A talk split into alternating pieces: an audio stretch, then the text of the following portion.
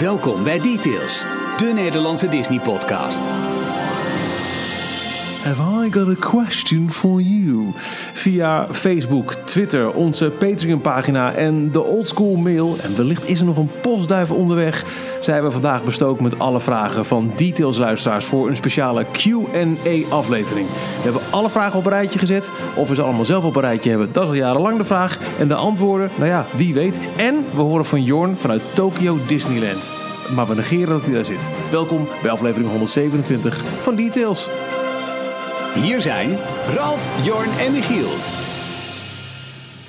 Hey Michiel, Hey Ralf, en nog gefeliciteerd. dankjewel. Ehm, de slingers hangen nog. We zitten bij Ralf thuis aan de, de keuken slash eettafel. Eh, heb je een fijne verjaardag gehad? Ik heb een hele fijne verjaardag gehad. Ik heb denk ik het meeste, het meeste eh, felicitaties gekregen via onze luisteraars. Leuk hè? Nou ja, het stelt je ook van hoe groot is je vriendengroep dan. Maar het waren er echt heel veel via internet, dus dat was wel heel erg leuk. Ja, als je zo op de koffie had gehad, was het ook weer wat geweest. Ja, dat is ook weer zo. Is ook weer zo. Ja, dus eh, hartelijk dank daarvoor allemaal. Eh, even kijken, we hebben aflevering 127 met dus heel veel vragen. En eh, waar mogelijk gaan we ze allemaal beantwoorden. Maar eerst, zoals je gewend bent inmiddels van Details. Wat is jouw nieuws van deze week, Ralf?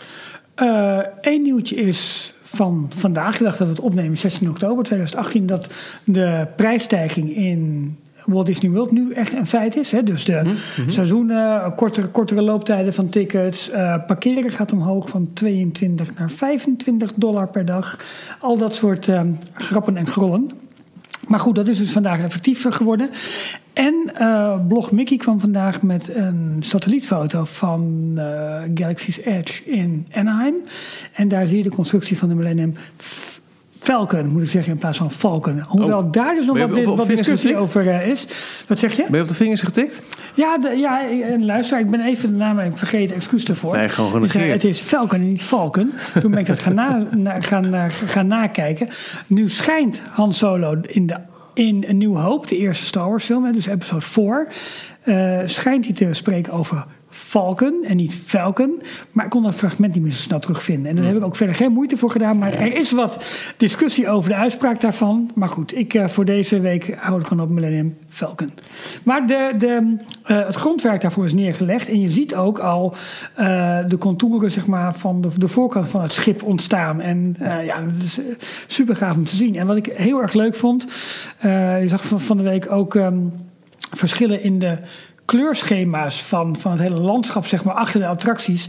Dat dat in Anaheim anders is dan in Orlando. En waarom? Omdat ze allebei anders gepositioneerd zijn ten opzichte van de zon. wauw. Dus de middagzon in Anaheim is anders dan die in Orlando. En Ah. dat moet natuurlijk eh, met kleuren wel kloppen qua licht en donker. Dat is toch fantastisch dat ze daarover Ja. nadenken? Maar er schijnen wel wat probleempjes te zijn, met name over eh, capaciteit en hoe ze daarmee uit gaan komen. En dat er eh, nu stevig achter de oren wordt gekrapt in. eh, nou, met name in, eh, in, in Orlando van we zijn zoveel in de studio's nu eigenlijk aan het vervangen in plaats van bijbouwen. Dus de, de Mickey en Minnie ride die, die komt is ter vervanging van, maar niet, Movie. maar niet ernaast. En je hebt natuurlijk wel Toy Story Land nu erbij. Maar ja, de, er wordt nu intern bij Disney al gesproken over wachttijden. Zes tot acht uur om het land binnen te komen en eventueel een attractie te doen. Oh man. En dat dat misschien wel een jaar lang kan gaan duren. Nou, daar komen we zo meteen ook nog op met wat vragen die eh Oh. omtrent dat, dat onderwerp zijn gesteld. Oh. Maar ja, dat, dat gaat wel een ding worden. Zo, en, Ja. en ondertussen zullen er ongetwijfeld ook speciale openingstijden zijn voor heel veel geld voor VIP-packages. Tuurlijk. Tuurlijk. Oh man, ja. Ja. Maar ja, goed, iedereen wil het ook zien. Dus ze, bouwen gewoon. Het, komt er ook gewoon omdat ze iets bouwen waar we allemaal met eigen ogen willen zien. De hype is real. En het kan zijn dat de eerdere opening aan de, oostkust, ah, sorry, aan de westkust nog wat van de drukte af gaat nemen. Maar dat zal voor Anaheim in dit geval alleen maar dramatischer worden. Op Ja. een toch wel dramatische situatie. Dus mm, Oh man. ja. Oh, ik moet er aan nadenken eigenlijk. Jouw nieuws? Eh, mijn nieuws is, eh werden daar door verschillende mensen over getipt. Er komt ehm, op 3 december een fantastische limited edition box uit. En ik zeg heel eerlijk, ik heb, ik heb al mijn Disney films heb ik, eh, geript en die staan op mijn, op mijn NAS. Dus die Ja. kan ik wanneer ik me wil overal bekijken en klaar. Ja. En sowieso de laatste jaren, de laatste releases, de laatste Pixar en Disney films die, ik- die ik koop, die haal ik eh, niet meer fysiek, maar die eh, koop ik in iTunes. Die heb ik niet eens fysiek. Maar toch het staat mooi in de cast. Ik, wil dit hebben. Er komt een Disney Classics Complete Movie Limited Edition box set uit. Ja. Met, ik denk, alle Disney Classics van Sneeuwwitje tot aan, even kijken, er is ergens een lijst met alles wat erin zit. Tot aan. Ja. Oh, had ik het? Ja, ja hier is Ja, hij. dat staat 2018. Eh, Moana. Dus eh, Oh, dat is van 2016. 2016. Oké. 55 films, allemaal op Blu-ray op vijf titels na die nooit op Blu-ray zijn uitgekomen. Dat zijn eh Saludos Amigos, The Free Caballeros, Make My Music, Melody Time en The Black Cauldron. Ja. Die zitten er op DVD in. Dan denk ik, ja, als je dan toch zo'n zo'n box uitbrengt, dan. Kan dat dan of niet? Ja, ik weet niet of dat zo werkt, maar... eh, of doe alsof, weet Ja. je, maar maak het net even af of zo. Ah, Nee, dit, nee, dit is echt een Blu-ray. Nee, I know. Het is een prachtig ehm, eh, box waar, waar alle eh, schijfjes mooi in, in zitten. Er is zelfs nog ruimte voor ehm eh, Ralph Breaks the Internet als die volgend voorjaar op Blu-ray Oh, dat je uitkomt. erbij kan doen. Ja, maar goed, daarna, daarna heb je weer, ja, en de film daarna dan. Dus het is natuurlijk, Maar ik zag de prijs bij Amazon voor 55 films. ja. eh 250 dollar. Nou, ik, ik heb ook een linkje gekregen van de Zavi.nl. En die is 284 of 250 euro voor 55 films. Het is, het is, het is, eh, Het is een shitload of money, Ja, maar, maar, in feite is wel een bargain. En je Ja. krijgt er een prachtig boek bij ook. eh 80 pagina's dik. Met, eh, ja, het- wat ook gewoon mooi uitziet. Weet je. Het, het is gewoon echt... Voor de liefhebber is het een fantastische box. ja, en de mogelijkheid om in één keer ze allemaal Ja. te hebben, Ja. compleet, niet tweedehands. eh, hè, gewoon om. ja. Dus, Ja, ik eh, heb boven inderdaad ook een, een, een, aardig, een aardig pakje aan films liggen. Ik denk van ja, dan hebben die. ja, in één keer ben je in één box ben je gewoon klaar, weet je wel. Ja. Ja. Ik heb alleen geen apparaat meer waarin ik het af kan spelen. Dat is misschien wel een. Eh, ja, de Playstation zou die in kunnen bij ons. Ja. Die, die leest Blu-ray. Ik weet niet of mijn zoon zo blij zou zijn als ik elke avond bij hem op de kamer kom zitten om een film te kijken. Nee, maar dat is het inderdaad ook wel. Ik, ik, ik benader alles via mijn Apple TV. Ja. Via de Infuse app kan ik mijn NAS benaderen... waar ik eh, volledig legaal mijn eigen collectie heb eh, Ja. geript. Ja. Of inderdaad, ik koop het in iTunes en kan het sowieso op elke Apple-apparaat. Maar, maar toch, ergens is het dan... En dat is heel slecht, maar Hebben, ergens hebben, in mij hebben, denkt...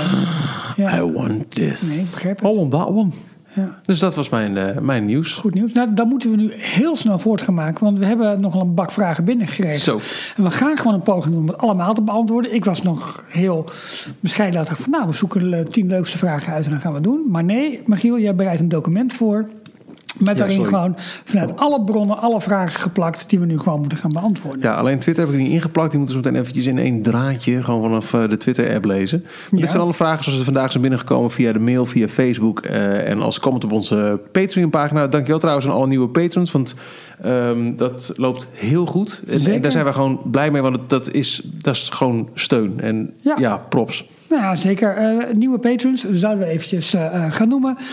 Menno Hagendoorn, Paul de Gans, Max Boes en Twan Nieuwenhuizen. Paul was al eh, patron, maar die heeft eh, nou, zijn, zijn Geupgrade? geupgrade, zowaar. Dus eh, nou, heel erg veel dank, eh, dank daarvoor. Ehm, zullen we beginnen? Ja, wij gaan trouwens binnenkort eh, de- de, wat, wat leuke dingen sturen naar, naar de patrons. Dat Ja, al, dat, dat, dat was ik eigenlijk al van plan, maar dat is gewoon nog niet gekomen. Dat, komt eraan. Dus dankjewel. Meer informatie erover op d-log.nl. Dan de Steun Ons pagina. En aan het einde van deze details hebben we ook nog een paar korte audio-updates van Jorn... die as we speak in Tokyo Disney Mm. Resort zit. Dus dat is ook iets om eh, naar uit te kijken. Of gewoon door te skippen. Ja, Eh, en we doen het, we doen het bewust aan het einde, zodat op het moment dat wij gedag hebben gezegd en Jorn komt nog aan, kun je zeggen, nou bedankt op en dan kun je gewoon deleten. ja, permanent ook. nee. Allereerst eh, twee vragen van Rick. Hallo mannen van D-log. Ik heb twee vragen. Eén, wat is de Disney Vacation Club? Oh. De Disney Vacation Club is een, eh, misschien heb je ooit gehoord van timesharing. Dan is eigenlijk dat je zeg maar een, een deel van een vakantiehuis of van een resort of van een bepaald vakantiemerk, bijvoorbeeld Hilton of zo, ik zeg maar even wat, eh, bezit. En jij krijgt daar punten voor en met die punten kun je eigenlijk verblijf gaan sparen. Nou, hoe het bij Disney werkt is dat je een aantal punten koopt. Dus je koopt je gewoon in voor een aantal punten. Dat staat voorstel tegenover. Eh, en met die punten, je krijgt elk jaar opnieuw dat aantal punten toegewezen. En jij eh, betaalt dus eenmalig voor die punten. En vervolgens betaal je voor die punten een soort onderhoudsfee elk jaar. Dus je blijft ook elk jaar geld ervoor dokken. En die punten kun je vervolgens inwisselen bij een ja, Disney Resort of bij een gerelateerd eh, eh, resort. En je kunt je voorstellen dat het Grand Floridian wat duurder is dan een kamer in All Star Movie of Ja. in, in Pop Century of, of dat soort dingen. Eh, dus afhankelijk van hoeveel punten jij te besteden hebt, kun jij die inwisselen tegen een vakantie of een verblijf op, ja, in, in bijvoorbeeld Walt Disney World. Hoe meer punten, hoe me- mooier, groter, luxer, langer jouw verblijf kan zijn. Nu is het wel zo dat je je ook punten kunt sparen. Dus zeg van, nou, je hebt bijvoorbeeld 200 punten gekocht. eh, waarmee je normaal gesproken een paar dagen of een week, weet ik veel wat, eh, in een resort zou kunnen blijven. Ligt ook aan, dus wat ik zei, welke resort, welke tijd van het jaar, dat soort dingen meer. Je kunt ook zeggen, nou, ik gebruik ze dit jaar niet, ik neem ze mee naar volgend jaar. Of ik wil dit jaar al mijn punten die ik volgend jaar krijg, eh, als al lenen als het ware. Dus daarmee heb je dan een keer 400 punten tot je beschikking. Eh, of je koopt meer bij. Nou, wil je, wil je er geen gebruik meer van maken, dan kan je ze ook weer verkopen. Er zijn er marktplaatsjes daarvoor. Moet wel allemaal officieel door de Disney Vacation Club worden goedgekeurd. Eh tenminste, dat is wat ik begreep. Ik ben geen, ben geen eh, We, we- DVC. we praten niet uit ervaring. Dit is Nee. wat- gewoon uit, uit research allemaal opgeduikeld. Maar de Disney Vacation Club zie je in elk resort, in ieder geval in Walt Disney World, zie je die staan met van die mooie standjes met de mooiste resorts waar je dan kunt blijven en waar je deel, ja, zeg maar, eigenaar van, van kan worden. Nou, dus het grappige daarvan is dat een verblijf in een Disney resort normaal gesproken wordt zeg maar elk jaar duurder. Eh, de punten blijven altijd gelijk. En eh, de punten zijn verdeeld over een resort. Dus op het moment dat de prijzen ergens omhoog gaan en ze zeggen van ja, maar een verblijf in, zeggen ze in juni is nu duurder geworden, betekent dat ook dat de prijzen in een ander deel van het jaar lager moeten worden. Want eh, het totaal aantal punten tegenover het, het, hoeveelheid verblijf die je ervoor kunt krijgen, zeg maar, is jaarlijks hetzelfde. Daar kan Disney een keertje een correctie in voeren. Dat is volgens mij in de historie nog maar één keertje gebeurd. Dus ze blijven zeg maar, hun waarde behouden. Maar het kan best zijn dat waar jij dit jaar in juni voor die punten kan gaan, dat je nu een weekje eerder of een weekje later zou moeten Ja, gaan ja, ja. voor hetzelfde eh, bedrag als het ware. Maar de Disney Vacation Club is dus Disney's variant van een timeshare initiatief. Duidelijk. Tweede vraag van Rick. Je hebt een beetje inleiding nodig, zegt hij. Als ik in Disneyland Parijs ben, ben ik altijd op zoek naar de kortste wachttijden voor attracties. Ik gebruik voor verschillende apps en de borden in de parken. Korte wachttijden is een relatief begrip. 30 minuten wachten voor Big Thunder Mountain is niet gelijk een 30 minuten wachten voor It's a Small World. Eh, ik heb daarom een lijstje gemaakt van relatief lange en relatief korte wachttijden per attractie gebaseerd op mijn ervaringen. Zijn jullie het eens met het lijstje of denken jullie toch iets anders? Groetjes Rick. En er zit inderdaad een volledige lijst van zo'n beetje alle attracties in, eh, in Disneyland Resort Parijs. Eh, Er staat bijvoorbeeld eh, Buzz Lightyear. Dat is alles boven de 50 minuten is lang alles onder de 20, 20 minuten is kort. En hij heeft staan bij Toy Soldiers Parachute Drop. Alles onder de 40 minuten is... Boven 40 minuten is lang, alles onder de 50 minuten is kort. Ja, ik kan dat per attractie gaan oproepen, Rick. Bedankt voor je werk. Maar ik vind het heel erg afhankelijk ook van het resort. Als ik in Orlando of Anaheim ben, waar ik niet dagelijks kom, die ook niet in Parijs, maar nog minder vaak, Ja. dan ben ik geneigd om voor bepaalde attracties eh, meer wachttijd eh, in, in te calculeren. Want ja, nu ben ik er. Heb ik ook. En het ligt ook aan de attractie wat voor wachtrij. Ik vind bijvoorbeeld een wachtrij voor Small World ook al is die bij wijze van spreken 20 minuten, wat best veel is voor Small World. Maar ik vind het niet zo'n probleem, want die rij loopt altijd door. Pirates hetzelfde, dat zijn echt de hoge capaciteits. Ja. Voor Phantom Manor vind ik het een stuk lastiger, omdat elke keer de deur open gaat, gaat weer dicht, hoewel het nog best wel snel gaat. Eh, maar Disney heeft toch wel een track record van attracties waarbij de wachtrij over het algemeen best wel doorlopen. Ja, Eh, dus ik vind het nooit zo heel erg, tenzij het allemaal op en in elkaar staat. Peter Pan vind ik geen fijne wachtrij, want dat is gewoon een hele simpele meandering. Coaster, ook zo eentje. Eh, Ja, precies, dat is gewoon een meandering Big en daar, daar word je niet zo blij van. Big Thunder vind ik niet zo heel erg, Nou, omdat je dan nog het zigzag, mooie, zigzag. jawel, maar ga je wel door het mooie gebouw heen met mooi artwork en dat soort dingen meer. Ja. Ehm, en het, het is ook heel afhankelijk van wat voor een dag is het. Er zijn dagen dat alles minstens 30 minuten heeft. Ja, dan heb je andere eh, verwachtingen dan op een, eh, een dag waarbij er ook eh, nog vijf ergens te scoren valt. Ja, dat is zo. En als het regenachtig is, is een beetje wachten in een overdekte wachtrij helemaal niet zo heel erg. Exact. Dus eigenlijk is mijn conclusie, Rick. eh, bedankt voor het eh, helemaal opstellen. Maar het is zo afhankelijk van tijd, dag en eh, weer en, en mood... dat ik daar niet echt een eensluidend antwoord op kan geven. Nou, goed, vind ik goed antwoord. Dan ook een vraag van Gaby. Hebben jullie ook van die rare muzikale Disney-associaties... eh of rare muzikale Disney-associaties? Zij bijvoorbeeld, als ik Raccoon She's Got No Mercy for the Soldiers, No Mercy for the King hoort zingen... heb ik altijd dit plaatje in mijn hoofd. Eh want het doet me denken aan de Queen of Hearts. Dat, is, dat zijn die, die, Oh, die, ja, die, die ja. marcherende ka- kaartsoldaten, soldaatkaarten. heb je, nou, dat heb jij misschien meer dan ik. ongetwijfeld. Ik, ik zag die vraag en dacht, ja, dat heb ik zeker, maar ik kom er even niet op.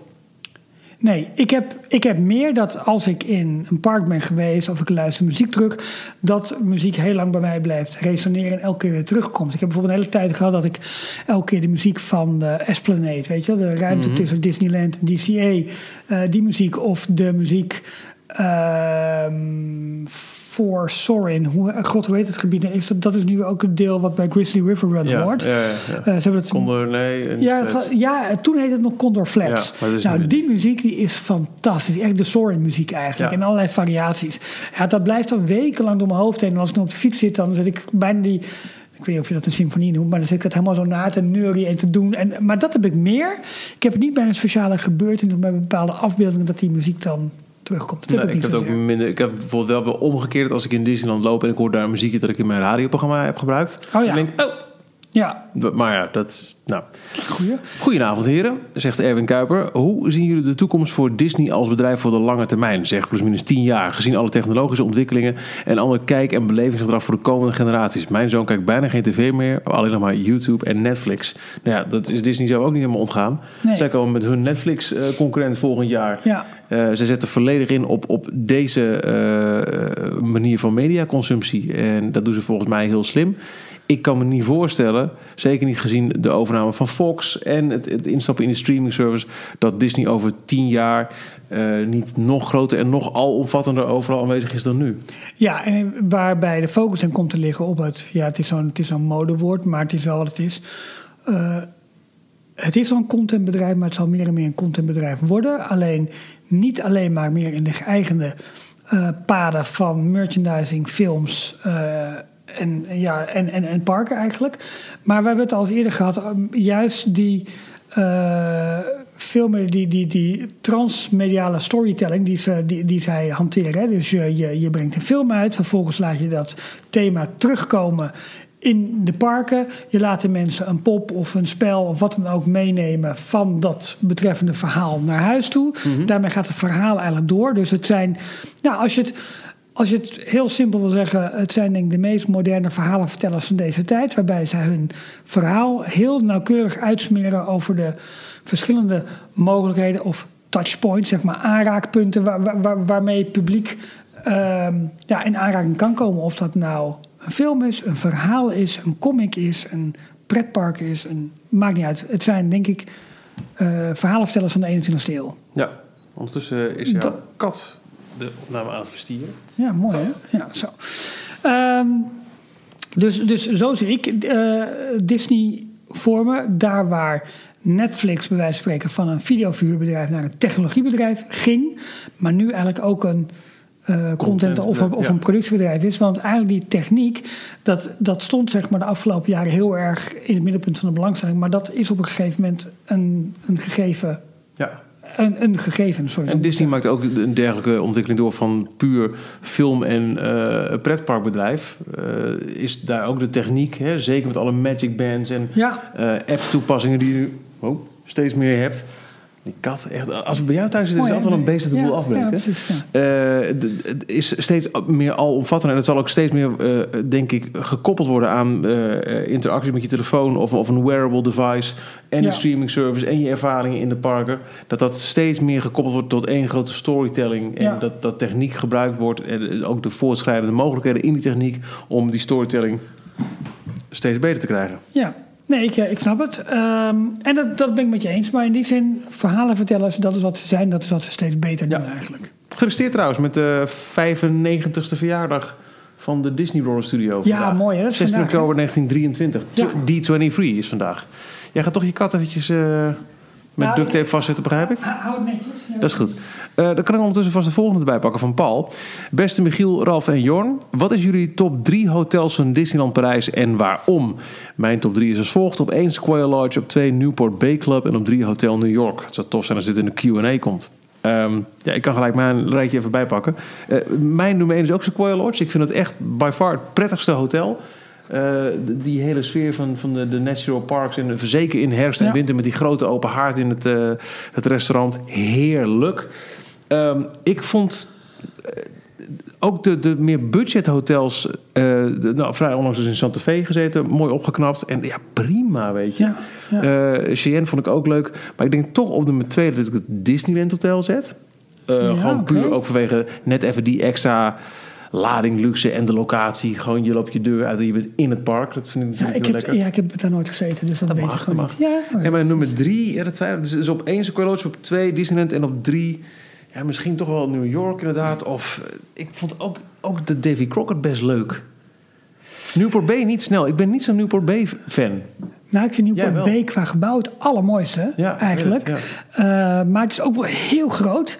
Ik vond bijvoorbeeld eh, New York dus heel erg fijn. Ondanks het feit dat het zo modern is en eigenlijk de minste Disney touch heeft, vond ik het een heel prettig resort om te verblijven. Ja, ook Eh, ook een beetje meer de, de, de grown-up sfeer van, van hun bar. Dat Bij, is het. eh, Dus voor mij zou het zijn New York, Sequoia, Newport Bay. Hoewel ik eigenlijk ook heel erg veel lol heb gehad in, in Santa Fe. Ja, Gewoon omdat het leuk, een leuk, leuk thema is. En Ja, prima, prima, ja. prima gedaan. En ik vind het, het, het, het, het stukje wandelen van het hotel naar het park ook niet zo. Ik vind, ik, dat vond ik misschien ook het allerleukste van de Davy Crockett. Dat je t- eh, toch eventjes weg bent uit de hectiek van... ik word wakker, moet nu gelijk een hotelzaal en, en, en, en de drukte in. Je was er echt eventjes verwijderd van alles. Dat vond ik goed, maar ik vind het fijn dat je echt de auto moet pakken... naar het normale parkeerterrein moet... Ja, en dat- eigenlijk weer ja. gewoon een daggast bent... terwijl je wel on Disney property dat, ja, verblijft. dat, eh, vond dus ik je, kunt niet helemaal klemzuipen in een restaurant s'avonds... en je moet nog rijden. Zo is het. Bijvoorbeeld, hè? Tim vraagt, wat is jullie grootste misdraging in een Disney resort? Dat waar je altijd voor schaamt dat je dat gedaan hebt.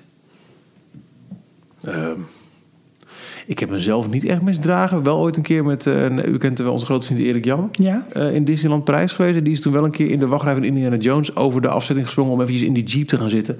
En eh, als een ware ontdekkingsreiziger eventjes Oh, om zich ja. heen te turen. Ja, ja, Toen ja. dacht ik wel, ik hoor er niet bij, maar vind het ook wel een beetje grappig. En tegelijkertijd, dat zou ik nooit weer doen of toestaan.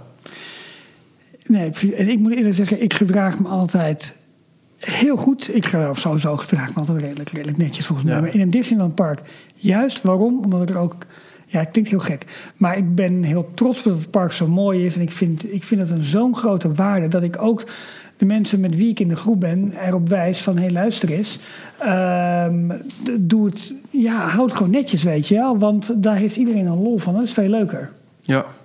Dus ik, ik heb, nee, ik heb dat niet. Ik weet eh, een, eh, iemand eh, die ik ken van, nou, waar ik bij in de buurt woonde vroeger, die is ooit het park uitgestuurd omdat hij Goofy eh, volgens mij vastpakte of daar iets mee deed wat niet helemaal, helemaal, niet helemaal netjes was. Nee, nee, oh, oef, bah, naar. Van welke film, franchise of serie zou je persoonlijk wel een ride of gebied willen zien? Hoe onrealistisch ook, vraagt Tim ook. Ja, voor mij is het toch echt nog steeds het grote uh, Duckburg, Duckstad, DuckTales gebied. Ja. Zeker in Europa zou je daar volgens mij fantastische dingen mee kunnen doen. Er is geen, geen scène of, of setting of ride ondenkbaar... omdat Donald, Dagobert en de neefjes zoveel avonturen hebben beleefd... in alle Carl Barks boeken, dat je Ja. met Duckstad heel veel kanten op kunt. Eh, ik ga erin mee met je. Waarom? Omdat ik gewoon benieuwd ben hoe dat... Ja, dat is ook mijn jeugd, weet je. Ik heb dat ook gelezen en gedaan. Dus daar ben ik ook heel erg benieuwd naar. En waar ik bang voor ben bij te grote IP's... als we die gaan... eh, eh, als we daar een attractie van gaan maken... dat dat te veel eh boekreports worden. Waar, waar eh, Tony Baxter altijd zo fel tegen is eigenlijk. Ja, en bij Duckstad kan het eigenlijk niet. Nee. Er, is, er is geen, niet, niet één Duckstad verhaal. Nee. Punt. Er is zoveel wat je er kunt uitlichten. Dus dat is, eh, dat is leuk. En dat vind ik eigenlijk ook knap hoe ze dat dus met Pandora bijvoorbeeld hebben gedaan. Het is wel een Ja. groot IP, maar dan hebben ze daar toch een ander soort. En dat doen, proberen ze nu met Star Wars ook. Maar toch bij Star Wars, ja, mensen verwachten gewoon dat R2-D2 daar rondloopt. En dat je, nou, de Millennium Falcon, maar goed, die zie je ook. Maar daar heb je wel de bekende elementen. En dat is denk ik, ja, voor Duckstad wacht iedereen denk ik op het grote geldpakhuis. Oké, Ja. dat is een ding, maar daar kun je denk ik ook wel iets heel moois mee. Eh, van welke, oh wacht, die, die vraag had je. Eh, ja, dan de vraag over de pubquiz. Ja, die is eh, in de making, nog, maar die ja. is puur nog in, in conceptuele Ja, fase. we hebben eerst, eh, zoals je wellicht nog kunt herinneren uit vorige afleveringen, op de eh, planning staan onze kookspecial. Die we met de eh, luisteraars gaan opnemen. Ja. En, en ook met kijkers. Dat wordt een videospecial. En de uitzending die we gaan doen vanuit de ho- Hogeschool in Breda. Ja. Dus we hebben altijd uitstapjes op het programma staan. Daar hebben we nu wel eventjes onze handen aan vol. Precies. Maar Pubquiz komt zeker. Sander de Goede, we gaan naar de Facebook vragen. Die vraagt: Wat is de reden dat Disney de afgelopen jaren de animatie soms opnieuw uitbrengt als live action? Eh, ik denk heel simpel. Eh, kijk bijvoorbeeld naar Beauty and the Beast. Eh, toen die live action film in première ging, gingen er heel veel mensen die zoveel nostalgische gevoelens hadden aan toen die film uitkwam en zij echt nog, nog kleine kinderen waren, gingen weer naar de bioscoop. Ja. En ik merk het nu ook bij het zien van de trailer van Aladdin. Ik, ik ben al ehm, eh, verknocht eh, emotioneel aan die film. Ja. En bij de dikke, ve- vette CGI-variant denk ik, yeah. Ja, maar zie het als een, ook hier weer als een sprookje. We hebben allemaal vroeger zijn voorgelezen. Hans en Grietje, eh, Sneeuwwitje, Roodkapje, Door een Roosje. En het maakt er niet zoveel uit of het nou in sprookjesboek 1, 2, 3 of 4... met net een wat andere heks, net een wat andere geest... net een wat andere goederik of slechterik. Eh goed zak is het trouwens, of, of, of, of, of slechterik. Ehm, dus dat is, ja, we- weet je, dat... dat vertelt zich opnieuw en blijft opnieuw boeien. Een goed verhaal maakt niet uit als het weer opnieuw verteld wordt. En ja, nu is het voor Disney denk ik gewoon een kerstgauw. Ja, dat, denk ik sowieso. Gewoon een cow. En heeft Disneyland Prijs het echt nodig om Marvel en Star Wars attracties toe te voegen? Vraagt Tim zich ook af. Eh, ja, dat denk ik wel. Als je als bioscoopbezoeker om de havenklap wordt ehm, eh, geconfronteerd met eh, nieuwe releases op Marvel en Star Wars gebied. En eh, Disney heeft die merken in bezit en kan daar prachtige dingen mee bouwen. Dan, ja, het, het, het it doesn't make sense om het niet te doen. Nee, en ze kunnen hier de toekomst van deze, deze verhalen eigenlijk... kunnen zij zelf volledig schetsen naar de mogelijkheden die ze hebben. Enerzijds in merchandise, in parken, in Ja. films, in, in van alles. Dus dat, eigenlijk ligt daar een hele weg open om daar juist alle kanten mee op te gaan. Dus ja, en ze hebben dat, dat eh, intellectueel eigendom hebben ze gekocht. Dus ja, dat willen ze nu ten volle benutten. En als jij eh, Star Wars Land eh, meemaakt, dan ben je daardoor waarschijnlijk nog meer geneigd om de merchandise van te kopen en thuis weer een keer die films te herkijken. Dus je blijft helemaal geïnvesteerd in, in, in die IP. Ja, dit is wel zo dat de vraag natuurlijk wel specifiek was: heeft Disneyland Parijs het echt nodig hè, om deze twee Nou, IP's Disneyland toe te Prijs kan voegen? alles gebruiken nu. Dat denk ik ook. En zeker, waar anders in Europa kun je Marvel en Star Wars ondergaan dan Ja. in Disneyland Prijs. Het wordt daarmee de, de- nog meer de enige reden, de- een uniek selling point voor dat resort. Wil je een Marvel ondergaan, wil je Star Wars bezoeken, dan moet je naar Disneyland Kijk, Prijs. inmiddels kun je bij wijze van spreken in elk pretpark kun je een mijntrein achtbaan doen. Ja. Tuurlijk, de beste in Parijs, maar je zou hem bij wijze van spreken op meerdere plekken kunnen doen. Ja. Of een bepaalde boat ride. Of, hè, maar Marvel en, en voor een leek zal inderdaad, bijvoorbeeld in, in Fantasieland heb je ook een, een mijntrein achtbaan. Ja. Ah, die, die heb je in Parijs ook. De, de gemiddelde bezoeker zal niet eh, op, op eh, als hij voor de ingang staat van die baan zeggen, maar dat is totaal anders dan in Parijs. Precies. En dus de Parijs wordt de plaats waar je moet zijn om Marvel en Star Wars te kunnen Ja. zien. Ja, en Frozen natuurlijk ook zo meteen. Ook, ja. Ehm, even kijken. Eh, Jan-Willem van der Beek vraagt... wanneer wordt Jorn weer de bellboy op de Tower of Terror in de studio's? Ja, de- we, we, we zouden daar achteraan gaan. De eerlijkheid Moet ook gebied, nog. ge- gebied te zeggen... hebben we nog niet gedaan. En de kans denk dat dat lukt is ook vrij klein. weet jij maar ik vind het... eh, het een keer, het is een, eh, toch? het is een, zeker Ja. een, een poging waard. Die vraag moeten we nog uitzetten, Jan. Ja. Ja. Edwin Kroos. Zien we Jorn en Ralf volgend jaar ook aan de start van Run Disney? Nou, ik eh, keer me eventjes naar Jorn. maar blijf stil. Ehm, Jij dan, Ralf? ik, ik weet het niet. Ik, Jij weet- ik hebt- weet het gewoon het echt is niet dat jij nooit hebt hardgelopen. We, Nee, jij hebt me zeker. de- de- drie jaar geleden of vier jaar geleden, Zeker. toen ik begon met hardlopen, was jij Ja. degene die me Ja. als eerste op sleeptouw hebt meegenomen. Ja, dat is waar. Inmiddels ben je met 23 keer voorbij gestreefd. Maar eh, ja, het lijkt me enerzijds heel leuk. Maar ik vind het, eh, het, het is vaak ook net na een zomervakantie... waarin wij nou, de laatste jaren best ver weg gaan... wat nou, veel geld kost. En dan maak ik daar ook een afweging in van wat, Ja, ja, wat, ja, ja, ik niet. Dus dat is voor mij ook een overweging. Qua uitdaging, ja, zou ik het heel graag een keertje willen lopen. Lijkt me, want je komt elk jaar met een, met een beter verhaal terug. Denk, Ja. eh, de, de- om op die manier het zo bekende resort in Parijs eh, te ondergaan, dat is echt een totaal nieuwe invulling aan een bezoek aan Disneyland Parijs. Maar Ja. het is eh, ja, het prijzenkaartje, prijskaartje zegt ook iets. Dat is het. Ehm, even kijken. Edwin Rassers. Dilemma op de dinsdag. Dat is een mooie trouwens. Wij moeten kiezen. Elke dag gratis naar Disneyland Parijs en nooit meer naar Orlando. Of om de vijf jaar een keer gratis naar Orlando. En dan neem ik aan, en dan nooit meer naar Disneyland Parijs, want dat staat er nog niet expliciet bij vermeld. Eh, nee, maar dat doen we ook niet, want dan is het niet, dan is het niet te kiezen voor mij. Ja, maar dan is er geen keuze om de vijf jaar een keer gratis naar Orlando. Ja, nee, kijk, de- ja, dat is logisch. Dan kies je daarvoor. ja. Want er wordt, er wordt niks gezegd dat je dan niet naar Parijs mag gaan. Ik neem aan dat hij bedoelt elke dag gratis naar Disneyland Parijs en nooit meer naar Orlando. Of om de vijf jaar een keer gratis naar Orlando en nooit meer naar Disneyland Parijs. Ehm, Dan ga ik toch, ja, eh, gewoon puur voor, voor schaal, lekker weer en eh, meer doorontwikkelen. Ga ik dan toch voor die tweede optie. ik ook. Ik ook. Pijn in het hart hoor, ik vind Parijs een prachtige plaats. Maar ja, het is, het is maar een dinsdag dilemma. Hè? Eh, Dat En het vakantiegevoel dat je in Orlando hebt, heb ik nog nooit ergens anders ervaren. Nee, nee exact. Z- zelfs niet in Disneyland. Nee, nee, maar dat is ook een dagje uit binnen, Ja. binnen LA. Het is Ja. geen, geen vacation Ja. resort. Ja. Edwin Kroos, smaakt de bezorgde vissen naar meer? Vraagt hij. Met andere woorden, zou je dit vaker willen doen, Michiel? Jazeker. Nou, ik heb het ook al een paar keer vaker Ja. gedaan. Eh, mijn allereerste, eh, het zijn allemaal van die kleine bijrolletjes. Hè? Dat was in Cars 2. Daar ben ik eh, Jeff Corvette. Zo, die heb ik nog ergens, die auto. Ja, ja, die heb ik ook nog. De, de merchandise. Heb je daar een, eh, een, eh, een aandeel van gekregen? Van alle verkochte Jeff Corvette nee, auto's? Nee, nee, Oh, was maar zo'n feest.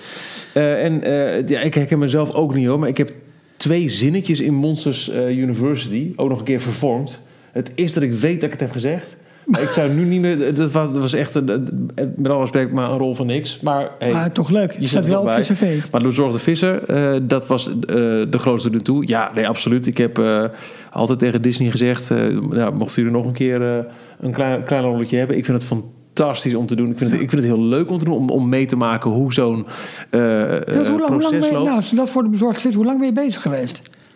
Nou, ik denk een half uur veel is. Het staat er vrij snel op. Ja. Ik kan dat heel goed. Nee. Ja, dat snap Nou ik. Het- ik ben er volgens mij niet heel slecht in als in dat, dat het keer op keer waar me over moet. En er zitten ook heel ervaren mensen erachter die wel vaker werken met niet per se acteurs. Kijk, de, de hoofdrollen in, in films als deze worden over het algemeen altijd door acteurs gedaan. Ja. Een, een uitzondering bijvoorbeeld is eh, eh, Gerard Ekdom, die in de Lego-film, de Batman-movie, de hele. Batman-rol speelt. En hij is, hij, het is een man, maar het is, het is geen getraind acteur.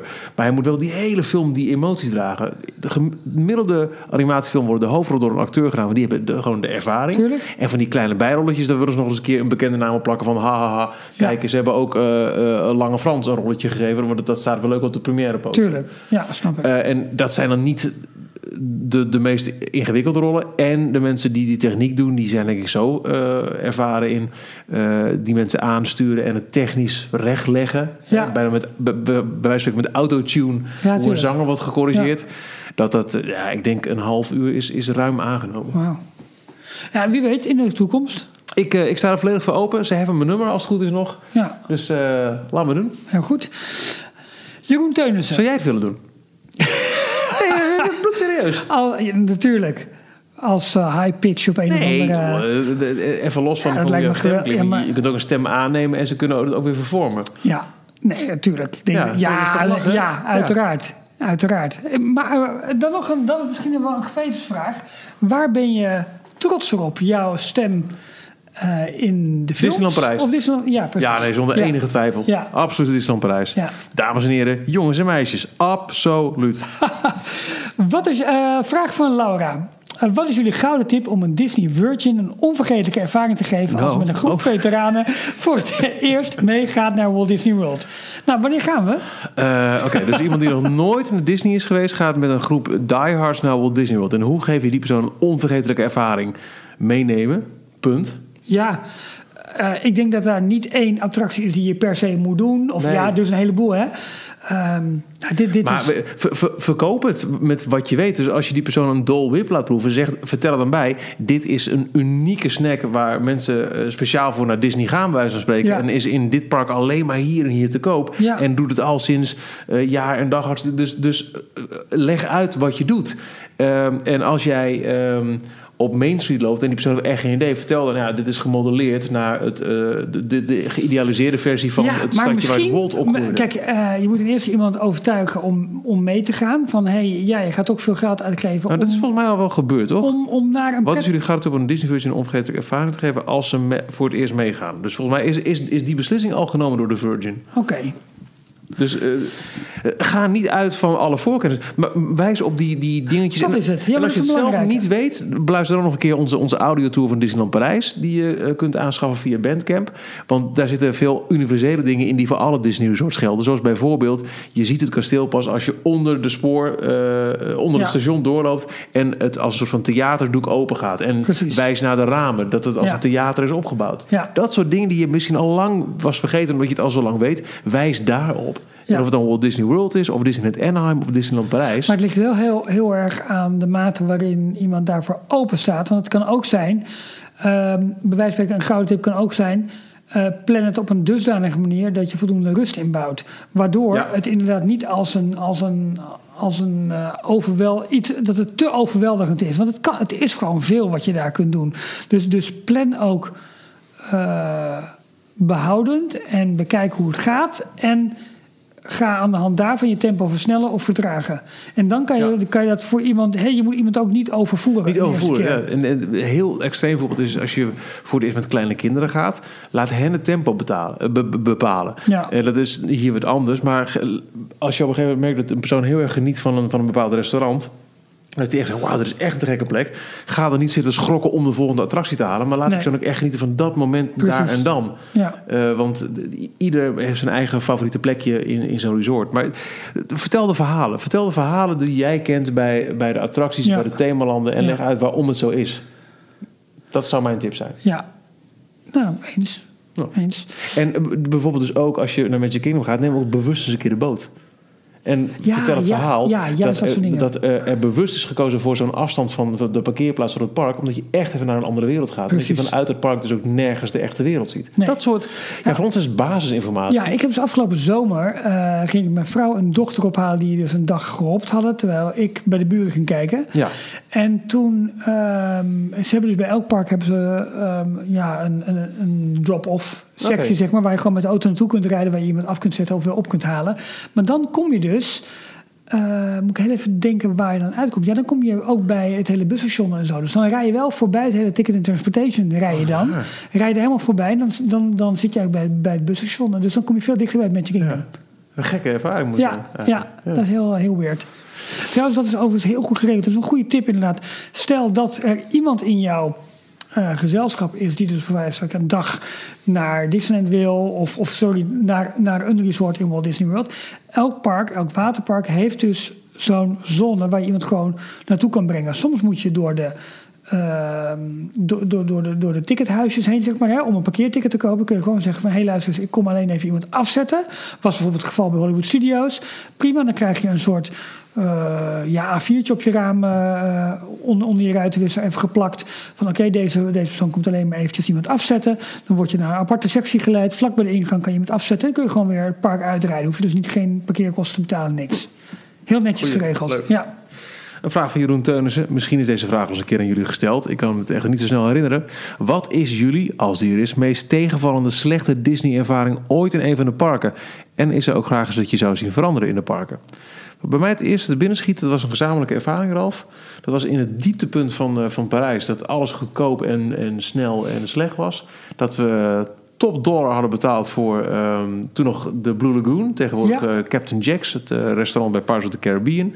En dat we overduidelijk opgewarmd magnetron eten kregen. Ja. Want het was een Een van minuut de na bestellen rij- stond het alsjeblieft. een rijstschotel of zo. ja. Dat was echt, dat was hard, hard aan de buitenkant en, en, en aan de binnenkant. En En je betaalde toen wel gewoon het bedrag wat je nog steeds eigenlijk eh, in verhouding betaalde voor dat restaurant. Namelijk veel, want het is een table service. Ja, dat eens. vond ik echt, ja, maar dit is niet goed. Nee.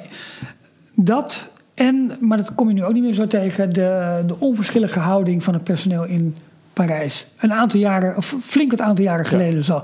Dat zie ik niet meer zo. Het is nog steeds niet wat het, wat het zou moeten zijn in mijn ogen, maar dat geven ze zelf ook toe. Maar ze werken daar wel duidelijk aan Ja. verbetering, vind ik. En dat is ook, voor mij betreft ook gelijk het antwoord op de tweede vraag van Jeroen. Wat zou je graag zou zien veranderen? Is toch dat level van service en vriendelijkheid in Parijs nog hoger. Ze zijn op de goede weg, Ja. maar het is nog lang niet. Maar goed, dat hangt, dat hangt natuurlijk ook samen met hoeveel ze betaald worden. In Amerika is Ja, het nog Amerika steeds krijgen ze ook niet veel geld. Nee, weet ik, maar daar hoort, hoort Disney is veel meer onderdeel Ja. van het cultureel erfgoed. Dus daar ben je Ja, misschien ja. nog trots om om daar te werken. Nee, ja, is zo. Nee, gelijk. En daar, daar is Parijs natuurlijk wel, of daar zijn de, de Fransen met name wel iets nuchterder in. Uh, maar je, je merkt wel dat dat naar elkaar toe komt. Maar dat is gewoon verdomd lastig. Want het is gewoon echt een cultuurverschil tussen de mensen die hier werken of de mensen die in Amerika werken. En dan ook vind ik het aan de oostkust een stuk beter nog dan aan de westkust. Ja. Maar het zou mooi zijn om dat allemaal op één lijn te krijgen. Want dat is denk ik de grootste uitdaging van, noem maar even personeelszaken voor, uh, voor, voor de Disney parken. Want in Japan schijnt bijvoorbeeld weer helemaal over de top te zijn qua, qua uh, zich dienstbaar opstellen richting, uh, richting de, de gasten. Dat is heel erg leuk, maar misschien als je daar heel vaak bent, dat je daar ook een beetje kriegelig van wordt. Dat kan ik me ook voorstellen. Ja. Vraag van Amber, Ralf. Als je Walt Disney nog één keer zou kunnen spreken, wat zouden jullie hem dan eh, zeggen of vragen? What time does the 3 o'clock parade start? ah, dat is een mooie. Eh, ik zou. eh, Lekker gewerkt, Pik. ja, goed. Ik zou hem wel iets willen vragen. En dat heeft met name dan te maken, ja, toch wel met attracties en ideeën die er nog leefden, die eigenlijk nooit eh verworden zijn. Dus wat bijvoorbeeld na Haunted Mansion, wat na Pirates, wat, hè, om in die lijn van attracties te blijven. Ehm, nee, maar één vraag eh, staat mij, vind ik eigenlijk het belangrijkste. Wat hij ervan vindt dat Epcot niet is geworden wat hij ooit voor ogen had. Ja. Ik zit ook iets soortgelijks te denken. Eh, want, want Epcot was natuurlijk eh, zijn leidmotief in Orlando. Ja. En er zou wel een entertainment center bij komen, maar dat zou ook eigenlijk totaal niet op Disneyland moeten lijken. Want er was only one Disneyland. Ja. There will only be one Disneyland. Inmiddels zijn er zes Disneylands. Ja. Zeven, wat is het? Eh, veel. ja. Wat vindt hij daarvan? En kan hij nu weten dat op die manier. Het, het, het is succesvol en elk Disneyland heeft zijn eigen karaktereigenschappen. En mensen die anders nooit in, in Californië zouden komen, kunnen toch genieten van hun lokale eh, Disneyland. Of hij daar dan toch de schoonheid van in zou kunnen zien. En, en, en of hij dat ja, zou alsnog kan zegenen, die gedachte. Ja, maar vind ik het mooi, want dat is wel waar je op hoopt eigenlijk. Van dit, ondanks dat we hier nu in Parijs zitten, dat we dit toch mee kunnen kijken, ja, had het wel de goedkeuring Zonder van... Disneyland Prijs wa- waren wij eh, niet zo enorm, Nee. denk ik. Nee, Weet je, want wel dan zeker. hadden we misschien... Nou, hoe vaak ben jij in Orlando geweest en in Anaheim?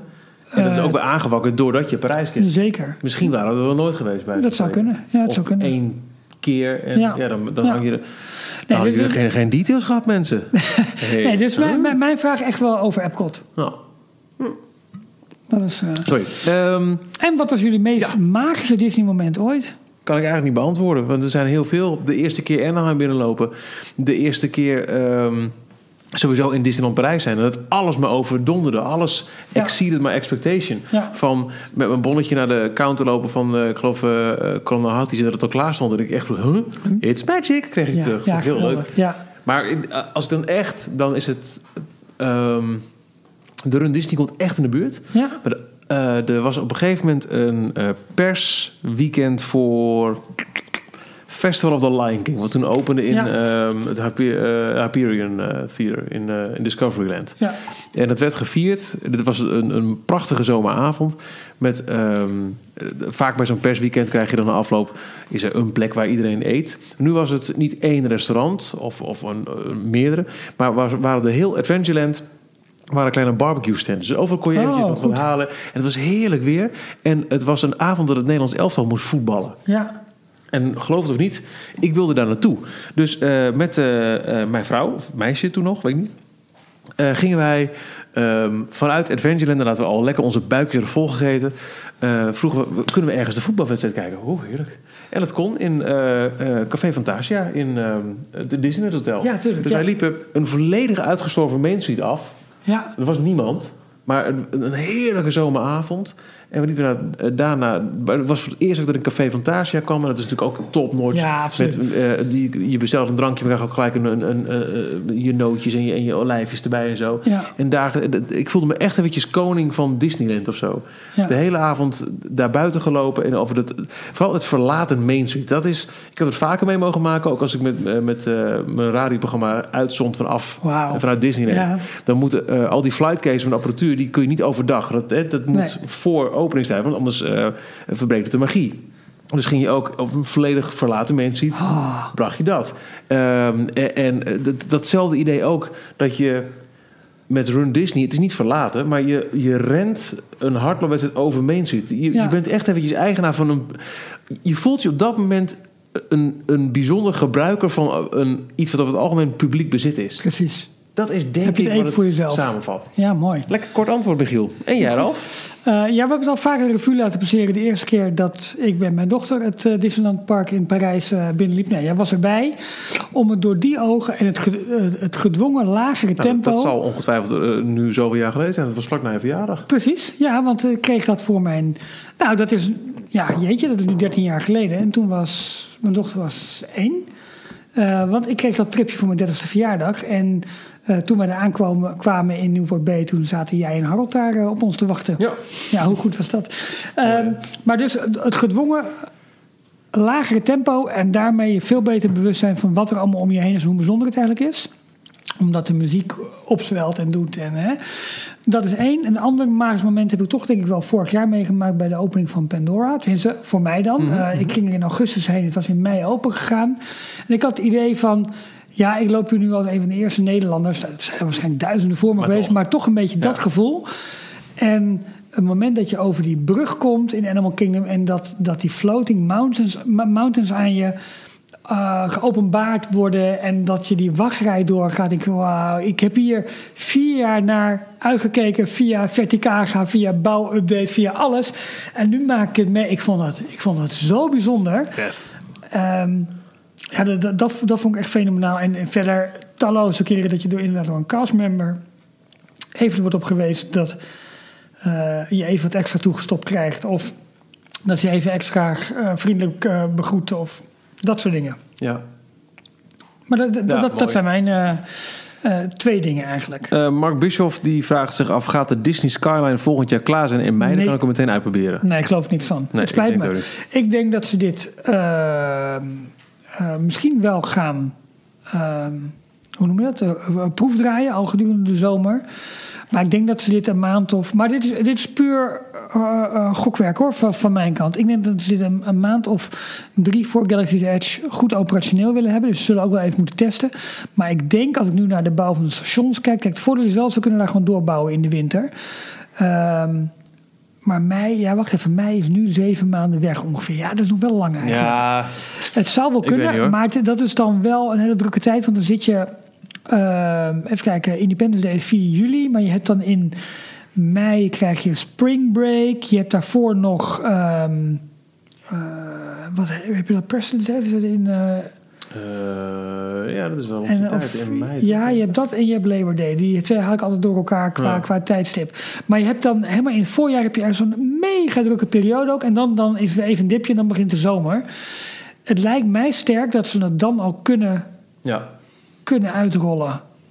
dat denk ik. Maar terwijl ik het antwoord, want ik was zo stellig nee. Ik het is nog wel zeven maanden en ze zijn wel heel erg hard gegaan. Want bijna al die, al die palen staan al. De, de stations gaan heel hard. Er worden al testen gedaan met doorloop van de stations met die gondels. Ik weet niet hoe lang dat kabelspannen duurt, maar dat lijkt me, Ja. li- lijkt me een vrij, eh, vrij vlotte operatie dat dat Ik gedaan heb kan geen worden. idee, joh. Ik heb nog eens een ding in elkaar gezet. Ik zou het echt niet weten. Nee. Ik zou eerder denken dat ze eind van de zomer dat gaan, gaan soft openen.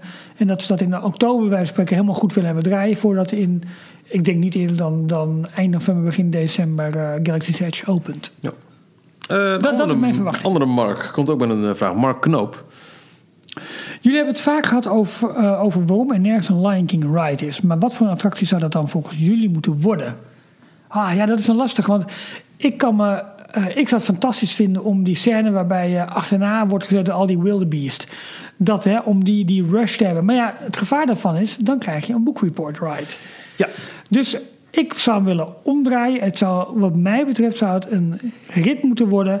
Waarbij we bij wijze van spreken als een soaringachtige attractie over de landschappen en over de Afrikaanse steppes en savannes en woestijnen en weet ik het, al, die, de verschillende landschappen van Afrika uh, zou vliegen bij wijze van spreken. En uh, daarmee met name ook de, de, de, de grote thema's zou meekrijgen over nou ja, Circle of Life. Wat doen wij met deze aarde en hoe moeten wij hem achterlaten voor, voor onze kinderen? Um, hoe belangrijk uh, is het ecosysteem van Afrika bij wijze van spreken voor de wereld? Uh, welke impact heeft het? Hoe staat het in relatie tot? Ik zou met name zeg maar, het ecologische thema willen, hm. willen hanteren. Dat zou ik een logische, uh, logische benadering vinden. Ik ben heel blij, want het, het, ligt heel erg voor de hand dat ze nooit de Jungle Cruise hebben uh, opgespiced met, met Lion King characters. Absoluut. Uh, tegelijkertijd denk hard, ik, zeg het niet hard. Nee, maar ja, tegelijkertijd denk ik wel dat het een gigantisch succes zou worden. Want ik denk dat mensen liever kijken naar Simba en, uh, en, en Timon en Pumba dan naar non-script uh, Schweizerfolds. Met alle respect, Ja? ik vind het een fantastische klassieke ride. Maar het, het is eigenlijk gek dat Disney dat nog nooit die switch heeft gemaakt. Ja, ja. Ook niet bij nieuw gebouwde, zoals bijvoorbeeld in Hongkong.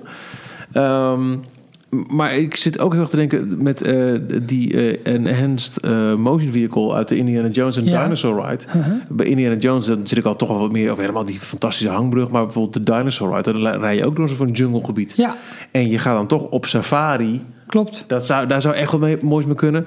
Maar ook een, een eh, eh, Splash Mountain clone zie ik echt wel voor me. Met, met Pride Rock. En dan Ja. je hebt ook eh, die scène... Waar Dat ze je omhoog wordt gehouden en dan naar beneden wordt Ja, getiefd. bijvoorbeeld. Nee, maar je hebt ook in, like in die scène dat ze over die boom zo langs de waterval lopen. Ja, Dus er zit ook een waterval in. Ja, Ja. weet je, ik zie dat wel voor me. Ja. Ik, dat, ik denk dat je daar ook heel mooie dingen mee maar aan de andere kant ben ik ook bang voor dat we het kunnen verpesten.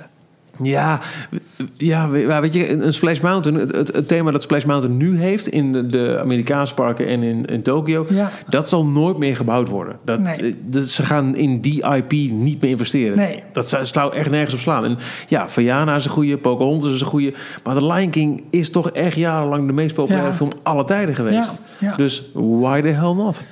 Nou, mooie insteek. Ehm G. Kooijman.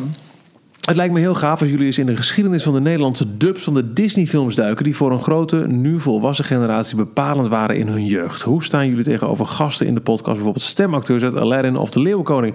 Lijkt me heel tof om die verhalen te horen. Ja, eh, ik zeg gelijk bij, wij moeten veel meer tijd eigenlijk investeren in interviews. Ja. Eh, dat we gewoon iemand eh, opzoeken en met, met ons mobiele apparaatje bij die persoon gaan zitten en hem ondervragen. Doen we te weinig, maar ik vind het een heel leuk idee. Ik highlight hem even. Ja, heb je niks aan, maar hij is gehighlight, eh GJ.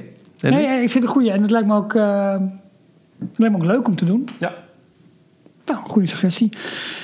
Joost van Puijenbroek. Van welke Disney-film zouden jullie een real-life versie willen zien? Aladdin, en die komt. Ja. Kan Ehm, die tegenvallen? Ja. Zit de muziek erin? Ja. Word je al gelijk blij? Ja. Ja, ik zou Lion King wel, maar die komt ook. Dus Komt ook. het is een Ja. beetje flauw. Ehm,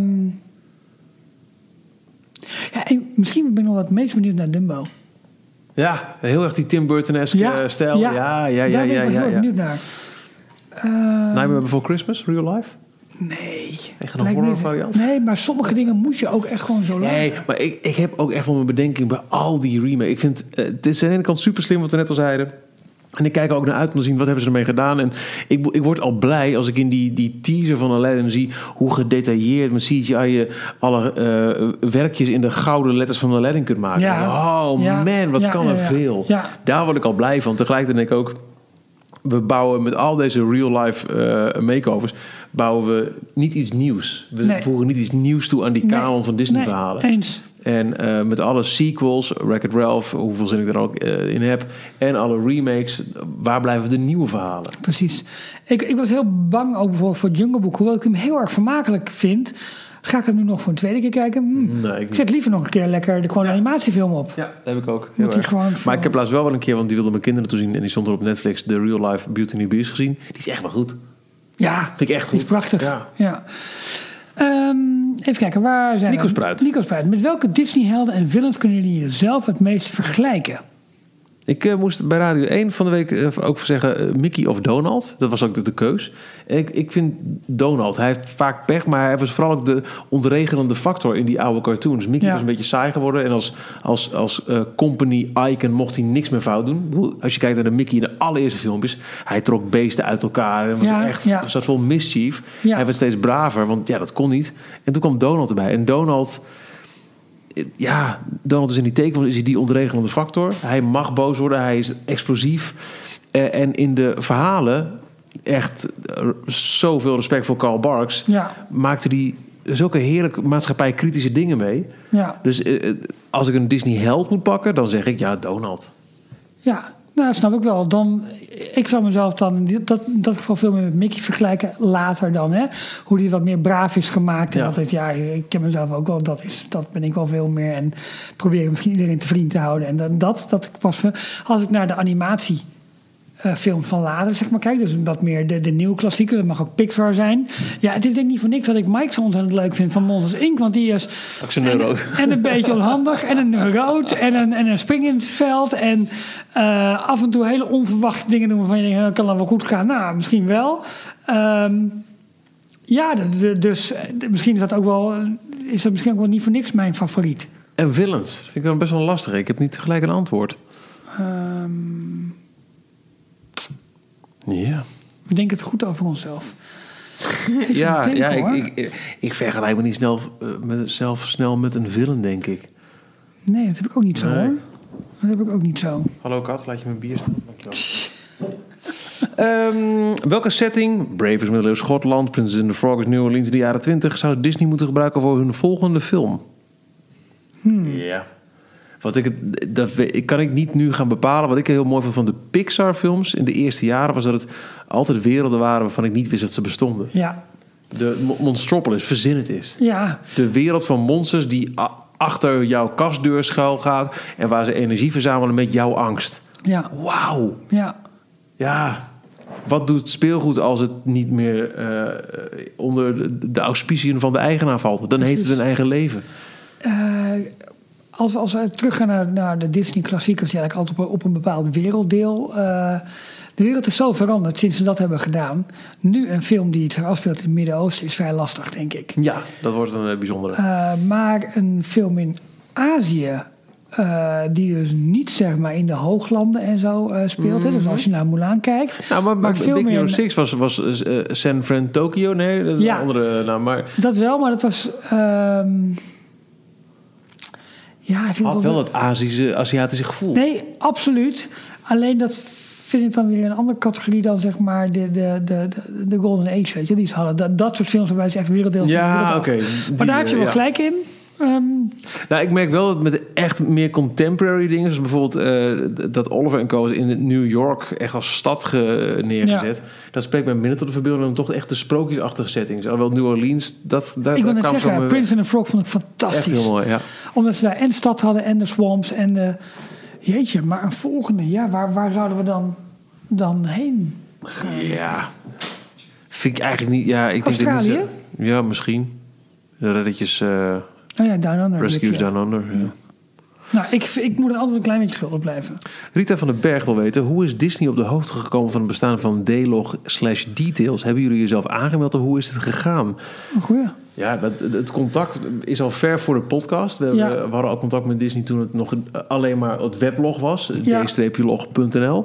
Eh, want eh, daar werden we wel eens eh, eh, ook uitgenodigd voor, voor eh persviewings van films. Ja, en veel is natuurlijk wel via jou, via jouw werk voor 3FM. Ik denk dat dat Komen. een beetje de ingang is geweest. En dat van, hé, hey, ik heb ook Oh, een Disney-blog. ja, en, dat, dat, nou, en dat is toen, die relatie is toen een beetje ontstaan. We hebben Ik denk het. eh, een goede... er ook wel eens verwarring ontstaat, zeg ik heel eerlijk, als er een uitnodiging komt voor een, een Disney pers event. Van is het Ja. dan voor, nou dat is nu weg, voor Ja. mijn 3FM DJ Ja, precies. of voor de D-log. Ja. Nou, daar zijn we vanaf. Dat Ja, lekker. dat geldt ook weer. Kunnen jullie ook een keer. Eh, en, en dat is ook wel belangrijk. We hebben een goede relatie met de mensen die eh, vanuit Nederland zeg maar, het belang van Disneyland Parijs eh, verkopen, zeker. doen, marketen, alles en, en, en de films. Maar we werken niet voor ze. Nee, maar wat ik wel heel leuk vind, en eh, daar hoeven we geen namen te noemen verder, maar bijvoorbeeld toen eh, het, het grote nieuws naar buiten kwam van de, de 300.000 miljoen miljard die eh, wordt geïnvesteerd in het eh, Studiospark, hè, met, met dat concept art, dat was op een dinsdag. Ja. En eh, toen appte ik met iemand op de, de Nederlandse Disney-afdeling. Die was wel van, leuk hè, dat is net vanavond net een stamtafeleditie hier staan Ja, op de dat is geweldig. En dat vind Ja. ik wel heel erg tof. Ja. Dat, dat, dat, ze op, dat ze weten wat we aan het doen zijn. Precies. En dat, dat, dat, ja, dat is gewoon leuk. Dat is ook een soort van eer van je werk, toch? Ja, absoluut. En, en misschien hangt het ook wel een beetje samen. Want ja, veel mensen vinden ons ook af en toe wel heel erg positief over Disney. En misschien iets te weinig soms Ja, de ik vind het kritische dus- noot. wij, wij vinden het gewoon heel erg leuk. Maar als je hoort, wij zijn toch echt wel kritisch over nou, hoe, hoe het Disney Studios Park eh, zich verhoudt tot alle andere Disney parken. Hoe eh, het, het, het qua prijs toch echt af en toe in het absurde gaat. Ja, Ja, het is onze hobby. Dus wij zijn over het algemeen, zijn wij, stappen we hier positief in. Anders hadden we deze podcast niet eens gemaakt. zeker. Maar ik denk toch echt dat wij in staat zijn om het met een heel erg gezonde dosis afstand allemaal te kunnen bespreken. dat denk ik ook. Maar je Om- moet van ons niet verwachten dat wij gaan, gaan, gaan lopen bitchen op eh, een dag naar een pretpark. Nee, duh. Nee. Nee, maar ik denk, je zegt het goed. Zo. Je zegt het goed. Ugh. Eh, Ehm, John van Kampen, ben ooit bij Michiel in de uitzending op Veronica. Oh, dat is Nee, geleden. dan moet je zeggen Veronica. Ja, dat kun jij heel goed. Gewe Veronica. Veronica. Geweest op 5 december 2002. Heb toen bioscoopkaartjes gewonnen voor de Piratenplaneet Treasure Planet. Is er toevallig ook nog een opname van deze uitzending? Nee. Nee, sorry. Dat bewaar je niet, Michiel. Nee, ik was al heel erg verbaasd. Eh, ik heb vorige week afscheid genomen bij 3FM. En toen Ja. hadden ze... eh, nou, mag ik één aanradertje geven? Ja. Eh, mijn eigen podcast Michiel Met. De meest recente aflevering. Het was voor mij ook een verrassing. Hebben drie ex-collega's, Domien, Gerrit en Rosemarijn... mijn carrière aan de hand van fragmenten door de mangel gehaald. En er zit ook een, een fragment bij van iets wat ik zelf al heel lang niet meer had gehoord. Dat ik uitzond vanuit de Disneyland Parijs. eh, in een thema-uitzending Overwin je angsten. Ze maken dat terecht helemaal belachelijk. Ja. Eh, maar daar zijn dus ook op, daar zijn dus nog kennelijk wel opnames van. Dat wist ik zelf niet eens. Maar nee, John, dit is uit een periode waar echt nul opnames bij mij van zijn bewaard. Naomi Vrolijk Overdam vraagt aan ons... welke beroemdheid of welke beroemdheden zijn jullie tegengekomen in een Disney Park? Zij is ooit de Backstreet Boys ontmoet bij Indiana Jones... en Estella Kruijf bij Pirates of the Caribbean. Eh, niet helemaal eerlijk, want bijvoorbeeld eh, de première van Pirates of the Caribbean, de film, eh, vond in Disneyland Parijs plaats. En Ja. eh, toen werd ik daar in een gezelschap met Robert en Brink en een paar andere mensen neergezet. Maar als je het over loslopende mensen, nou nee, eigenlijk zijn het altijd wel bij press events geweest. Ja, en daar ben jij met name naartoe geweest. En Ja. ik, ik nooit volgens Nick mij of hoor. Simon. Ik ben er. wel En eens Phil Collins, dat vond ik wel heel vet. Mickey Mouse tegengekomen. Hey. Die ben ik wel Nou, tegengekomen. maar om eventjes toch een toevallige ontmoeting met een celebrity in een theme park. Dat is niet Disney. Maar Ralf en ik zijn jaren geleden een dagje naar de Efteling geweest. En toen wij uit Carnaval Festival kwamen... zagen wij pas dat naast ons in het bakje Ray Slijngaard van Tour Och zat. jeetje, dat is waar En toen ook. hebben we nog overwogen om die actiefoto te kopen. Want ja, Ja. die... Dat is waar, ja. Don't just stand there, let's get loose. I am Ray, I got the juice. Tik, tik, tik, tik, tik, time. Dus eh, dat hebben we niet gedaan. Maar we zaten wel naast Ray eh eh, Slijngaard in Carnaval Festival. Ja, dat was dat echt wel van... ja. Kijk jullie daar. Ja, dat, ja, we hadden die foto gewoon moeten kopen. Hadden we eigenlijk moeten doen. Nee, je kunt Ja, maar sorry zeggen, doe meneer. maar die maar. Ja, sorry meneer, uw foto is al gekocht. Ik kan niet meer. ja, wat? Maar, maar een, eh, verder een spontane ontmoeting los van de press events... zit ik heel hard te denken, maar volgens mij niet. Nee, ik ook niet. Ik had wel heel erg gehoopt dat ik in Orlando eh, Tim en Jen van de Tim Tracker tegen zou komen. Maar dat is niet gebeurd.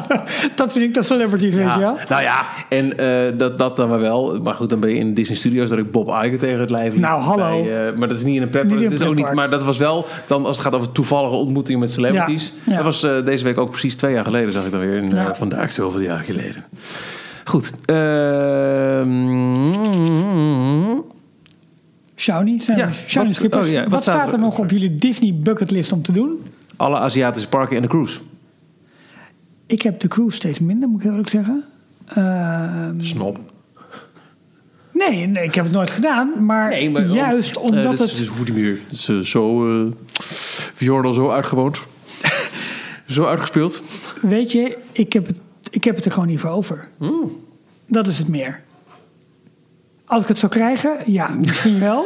maar dat zal heel flauw zijn. geweest, dat is weer jammer. Ja, dat is al heel flauw. Nee, eh, ja, eh, Ja, en dan nee, als ik dan dat- moet kiezen van de Aziatische parken, ja, dan is het ook eh, Disney. Ja. Ja, ik ook heel benieuwd ben naar, Pirates en ik ben heel benieuwd naar Mystic. Manor. Ja, nee, serieus. Ja, absoluut. Maar als, ik, als je echt zou moeten kiezen voor één park in Azië, dan is het voor mij ook zeker Tokyo Disney Sea. Als ik Ja, moet absoluut. Ja. Alexander Ramakers heeft een vraag over het vorig jaar geopende Village Natuur Paris. Is het inmiddels al een succes? Geen idee. En gaan ze zoals oorspronkelijk gepland verder uitbreiden? Geen idee. Zijn jullie trouwens inmiddels zelf al geweest? Nee. Ja, het is een beetje flauw, maar dat zijn, ik heb echt geen idee, Alexander. Nee. Er zijn nog, bij mij uit ook nog geen cijfers of, eh, of, of nieuwsberichten over naar buiten gebracht. En eh, ik ben er ook nog nooit geweest. Nee, het, ze hebben wel laatst iets veranderd dat je... Oh god, hoe zat het nou? Ja, de aankomstdag. Het waren altijd Ja. eh, vaste aankomstdagen. Dus je kon alleen maar bij spreken van woensdag tot en met woensdag. Ik noem maar wat hoor. Precies. En nu kun je gewoon zelf kiezen wanneer je wat wil. Ja, Eh, wat overigens nog wel bij mij op mijn Disney bucketlist staat, niet zozeer van, van een bezoek aan de parken, eh, is bijvoorbeeld Keys to the Kingdom. die, die tour, weet je wel, in Walt Disney World. Echt zo'n zo'n backstage Dat is wel tour. leuk, hoor. Die zou ik wel heel graag willen Waar doen. wel heel erg af- Ja. afhankelijk is van Ja. De inzet van de castmember. Of het een magische herinnering wordt of een leuk iets. Ja. Eh, Kelvin Harle, als jullie het voor een week te zeggen zouden hebben in Disneyland Parijs, wat zouden jullie dan direct veranderen, verbouwen of bijbouwen? Ja, in een week bouw je niet zoveel bij. Maar je zou in een week een go moeten geven op iets nieuws of zo. Ehm hier had ik even wat langer over na moeten Heel denken veel. over deze vraag. Als het aan mij zou liggen, zou ik nog iets meer historie van het oude Disneyland naar Parijs willen brengen. Als een soort van opvoeding. Kijk, hier is het vandaan gekomen. Zeg eens wat. Eh, de Tiki Room. Of, eh, en misschien niet in die vorm, maar zoiets. Ja, ja. Eh, de carousel, zoiets. Als ik het nu voor het zeggen zou hebben, zou ik heel snel iets à la Mystic Manor neer willen zetten. Dus een fantastische ride die niet IP-based is Ja. en uniek voor Parijs. Dus niet Ja. Mystic Manor, maar Ja. Een Mystic Manor-ish-achtig iets. Oké. En een, een, misschien wel een water ride zonder vast I- eh, IP. Dus bijvoorbeeld zoals eh, de Grizzly eh, River Rapid. Ja, ja zoiets. River Run. Ja. Oké, ja, dan- dat is of, groot. ofwel met een Disney IP, maar een ander IP of iets, zoiets. Oké, eh, Jerry, ja, is het Jures of Gures? Idee Oké, ja. Hebben jullie een goede bron om parkmuziek te kopen of te bestellen? Heel eerlijk? In de donkere dagen van het internet haalden wij die van allerlei Ja, obscure plekken vandaan. Eh, inmiddels is er op Spotify wel het een en ander te kijken. Maar waar ik het, ander, waar ik het ja. vandaan vandaan haal is YouTube. En dan eigenlijk vanuit video's die in de parken zijn genomen. Ja, maar eh, d- het is voor mij echt een beetje nog steeds een schimmig iets. Ja, ja. Want de meeste dingen, zoals bijvoorbeeld die, eh, de- de donkere dagen komen er weer aan. De, de, de, de, de Main Street Christmas loops, ja, die, die kopen niet op een cd. Nee. Dus je hebt dan ergens iemand die het ooit een keer heeft eh achterover gedrukt, geript en onli- online heeft gezet. Ik, ja, voor heel veel van die dingen geldt, shut up and take my money. Als Disney het uit zou brengen, Absoluut, ja, weet je. absoluut. Maar dat doen ze niet, dus moeten we als fans maar onze eigen manier daarin vinden. Ja, en wa- wat, wat ik er met name heel erg leuk vind, zijn niet alleen de, eh, eh, de muziekjes, maar ook juist de aankondigingen en de stemmen en zo. Dat vind ik echt heel, heel, heel tof. Bijvoorbeeld de, de, de, eh, de loop van de monorail en, en dat soort dingen, weet je. ja, Dat vind ik echt dat vind ik heel erg leuk. Eh, volgende is voor jou, Michiel, van Rick Spitters. Ja, we zijn aangekomen bij alle comments op ons eh, Patreon-platform. Eh, Rick die begint als volgt. Ik ga over een halfjaartje voor het eerst in het Disneyland Hotel overnachten. Wat zijn jullie ervaringen in dit hier? En nog veel belangrijker, bij welk restaurant moeten we gaan eten? We hebben er twee avonden, maar één van wil ik zeker in het park doen. Auberge de Saint-Brieuc, want dat is het enige restaurant dat we nog niet hebben gehad. Dat geldt ook voor mij. En wat verwachten jullie met de huidige prijsstijging in Amerika dat prijs nou zal volgen? Hebben we over een paar jaar, zodra de nieuwe gebieden zijn geopend, dezelfde absurde prijzen? Of gaat het in Europa nooit werken, omdat de gemiddelde pretparkprijzen stukken lager liggen? Nou, eh vond het top. Ik heb meerdere malen in het Disneyland Hotel overnacht. Wat zijn jullie ervaringen? Ik vind het een heel mooie plek. Ik vind het ehm, niet per se in verhouding met wat je er nu voor betaalt. Het is wel heel erg veel geld. Eh, maar er staat tegenover dat de locatie is natuurlijk priceless. Hè? Die, die gigantische lobby die is heel mooi. Je hebt eh nou, Café Fantasia al eerder benoemd. Je hebt een prachtige ontbijtzaal... wat dan s'avonds of het buffet of het à la carte restaurant is... wat echt een mooi is. Je stapt je deur uit en je bent in het park. Eh er hangt een, een speciale geur... die ja, eh, ja, ja, heel erg... ja. Oh, en, en ook de kwaliteit van het ontbijtbuffet is echt heel erg hoog. Je kunt het zo gek niet verzinnen of het ligt er van, van verse zalm tot, tot heerlijke donuts, tot gebakken eieren, tot, tot, tot alles. En ja, het is, het is echt aan de prijs, maar het was, dat was wel ook jarenlang een bucketlist ding, toch een keer daar slapen. Ja. Eh, en Maar waar moet je eten naast Auberge Saint-Brieuc? Is dat in Innovations? Het à la carte restaurant in het Disneyland Hotel, als je dat nog nooit hebt gedaan, maar ook het, het- iets minder duur, maar het buffet alleen daar, Ja. ook heel leuk voor met kleine kinderen, want Zeker. al die characters lopen Ja. rond, dus je betaalt er denk ik wel iets meer dan voor Café Mickey, maar dan heb je wel buffet, wat toch handig is met kinderen Ja. en eh Maar het was een paar jaar geleden, was- dacht ik al 50 euro per persoon, hè? Ja, het is niet goedkoop, maar ja. Café Mickey betaal je voor een fix menu ook 65, hè? Serieus. Dat is, dat is eh, flink Ah, duurder geworden sinds eh, de, de her, her- heropening met characters. Ehm, ja, en, en ook wel de setting. En ja, als je zegt, ik ben verder overal een keer geweest, behalve Auberge Saint-Brieuc, wat ook voor mij geldt. Ja, daar ben ik wel geweest. En dat moet ik eerlijk zeggen, dat is... eh, ik weet niet of het nog steeds daar alle prinsessen komen dan. Ja. Alle prins. Ja, ik vond, dat, ik vond dat wel echt een beetje Disney-magie, hoor. Ik vond het echt wel heel erg leuk. En het eh, restaurant is ook gewoon heel, eh, heel mooi. En het eten was echt heel erg goed. Ja, ja als je, ik vind het heel moeilijk. We hebben er een keer een hele aflevering over opgenomen met al onze restauranttips. Ik zou daar even in kijken. Ik weet het niet Ik se. één avond gewoon lekker inderdaad. Lekker... eh, ja, ik kan het niet zeggen, maar gewoon lekker, doe maar, doe maar lekker. Maar ik zag ook wel helemaal met, met alle speciale eetdingen die Parijs nu toch al heeft, ook gewoon in een dag gedurende de dag gewoon hier wat eten, daar Hier, wat daar, eten. ja. dat is ook de ervaring hoor. Dat zou ik aanraden. Ja. Ook voor je portemonnee. Ja, één zeker in het park of bij Jean de ander hoeft het niet per se in het park. Ja, dan zou ik toch kijken of je gewoon lekker in, in jouw hotel... en dan s'avonds doe, doe er een wijntje bij als je daarvan houdt... en, en, en loop lekker rozig terug van het restaurant naar je kamer. Ja. En, en geniet even op en top van het feit dat je juist daar bent. Bedoel, je hebt toch dat geld al uitgegeven.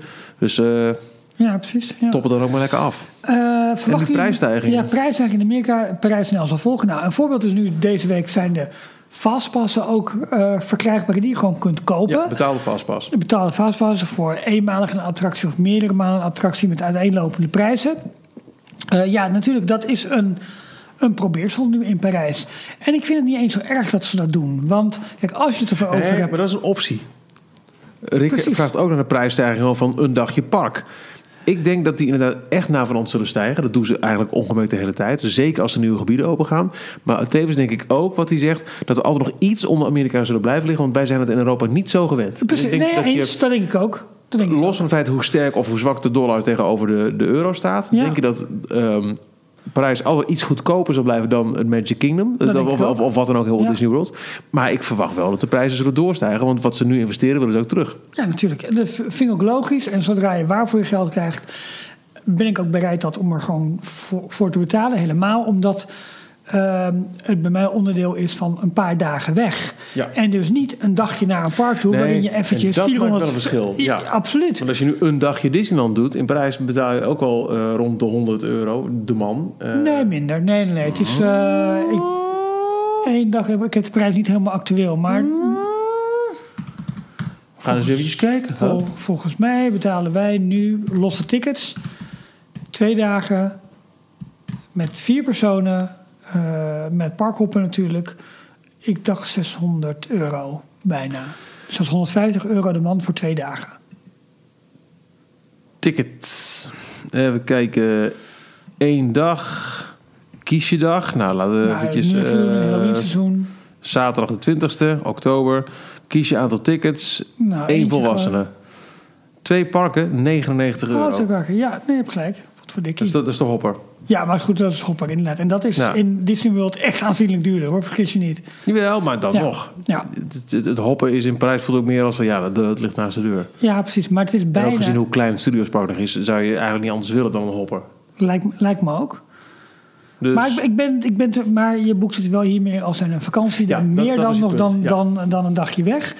Ehm, nou ja, dat. En dat heeft mede te maken met het andere prijsniveau in Europa. Dus Ja. ook, ook de discussie die bijvoorbeeld bij, eh, volgens mij bij Theme Talk dacht ik gevoerd werd, is waarom ze eh, de prijzen van bijvoorbeeld.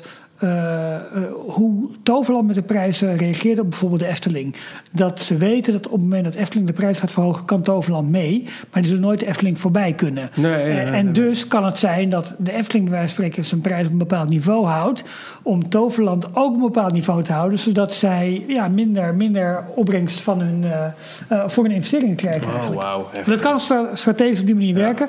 In Parijs zal het op een iets grotere schaal werken. En moet je veel meer naar de concurrentie van ook onder de Duitse of de andere Franse of misschien ook wel de Spaanse parken kijken. Ja, zo. Eh, Kevin van Broekhoven heeft ook een, eh, een vraag. Disneyland Parijs wil van de Disney Fan Days een blijvende fanclub maken voor Disneyland Parijs.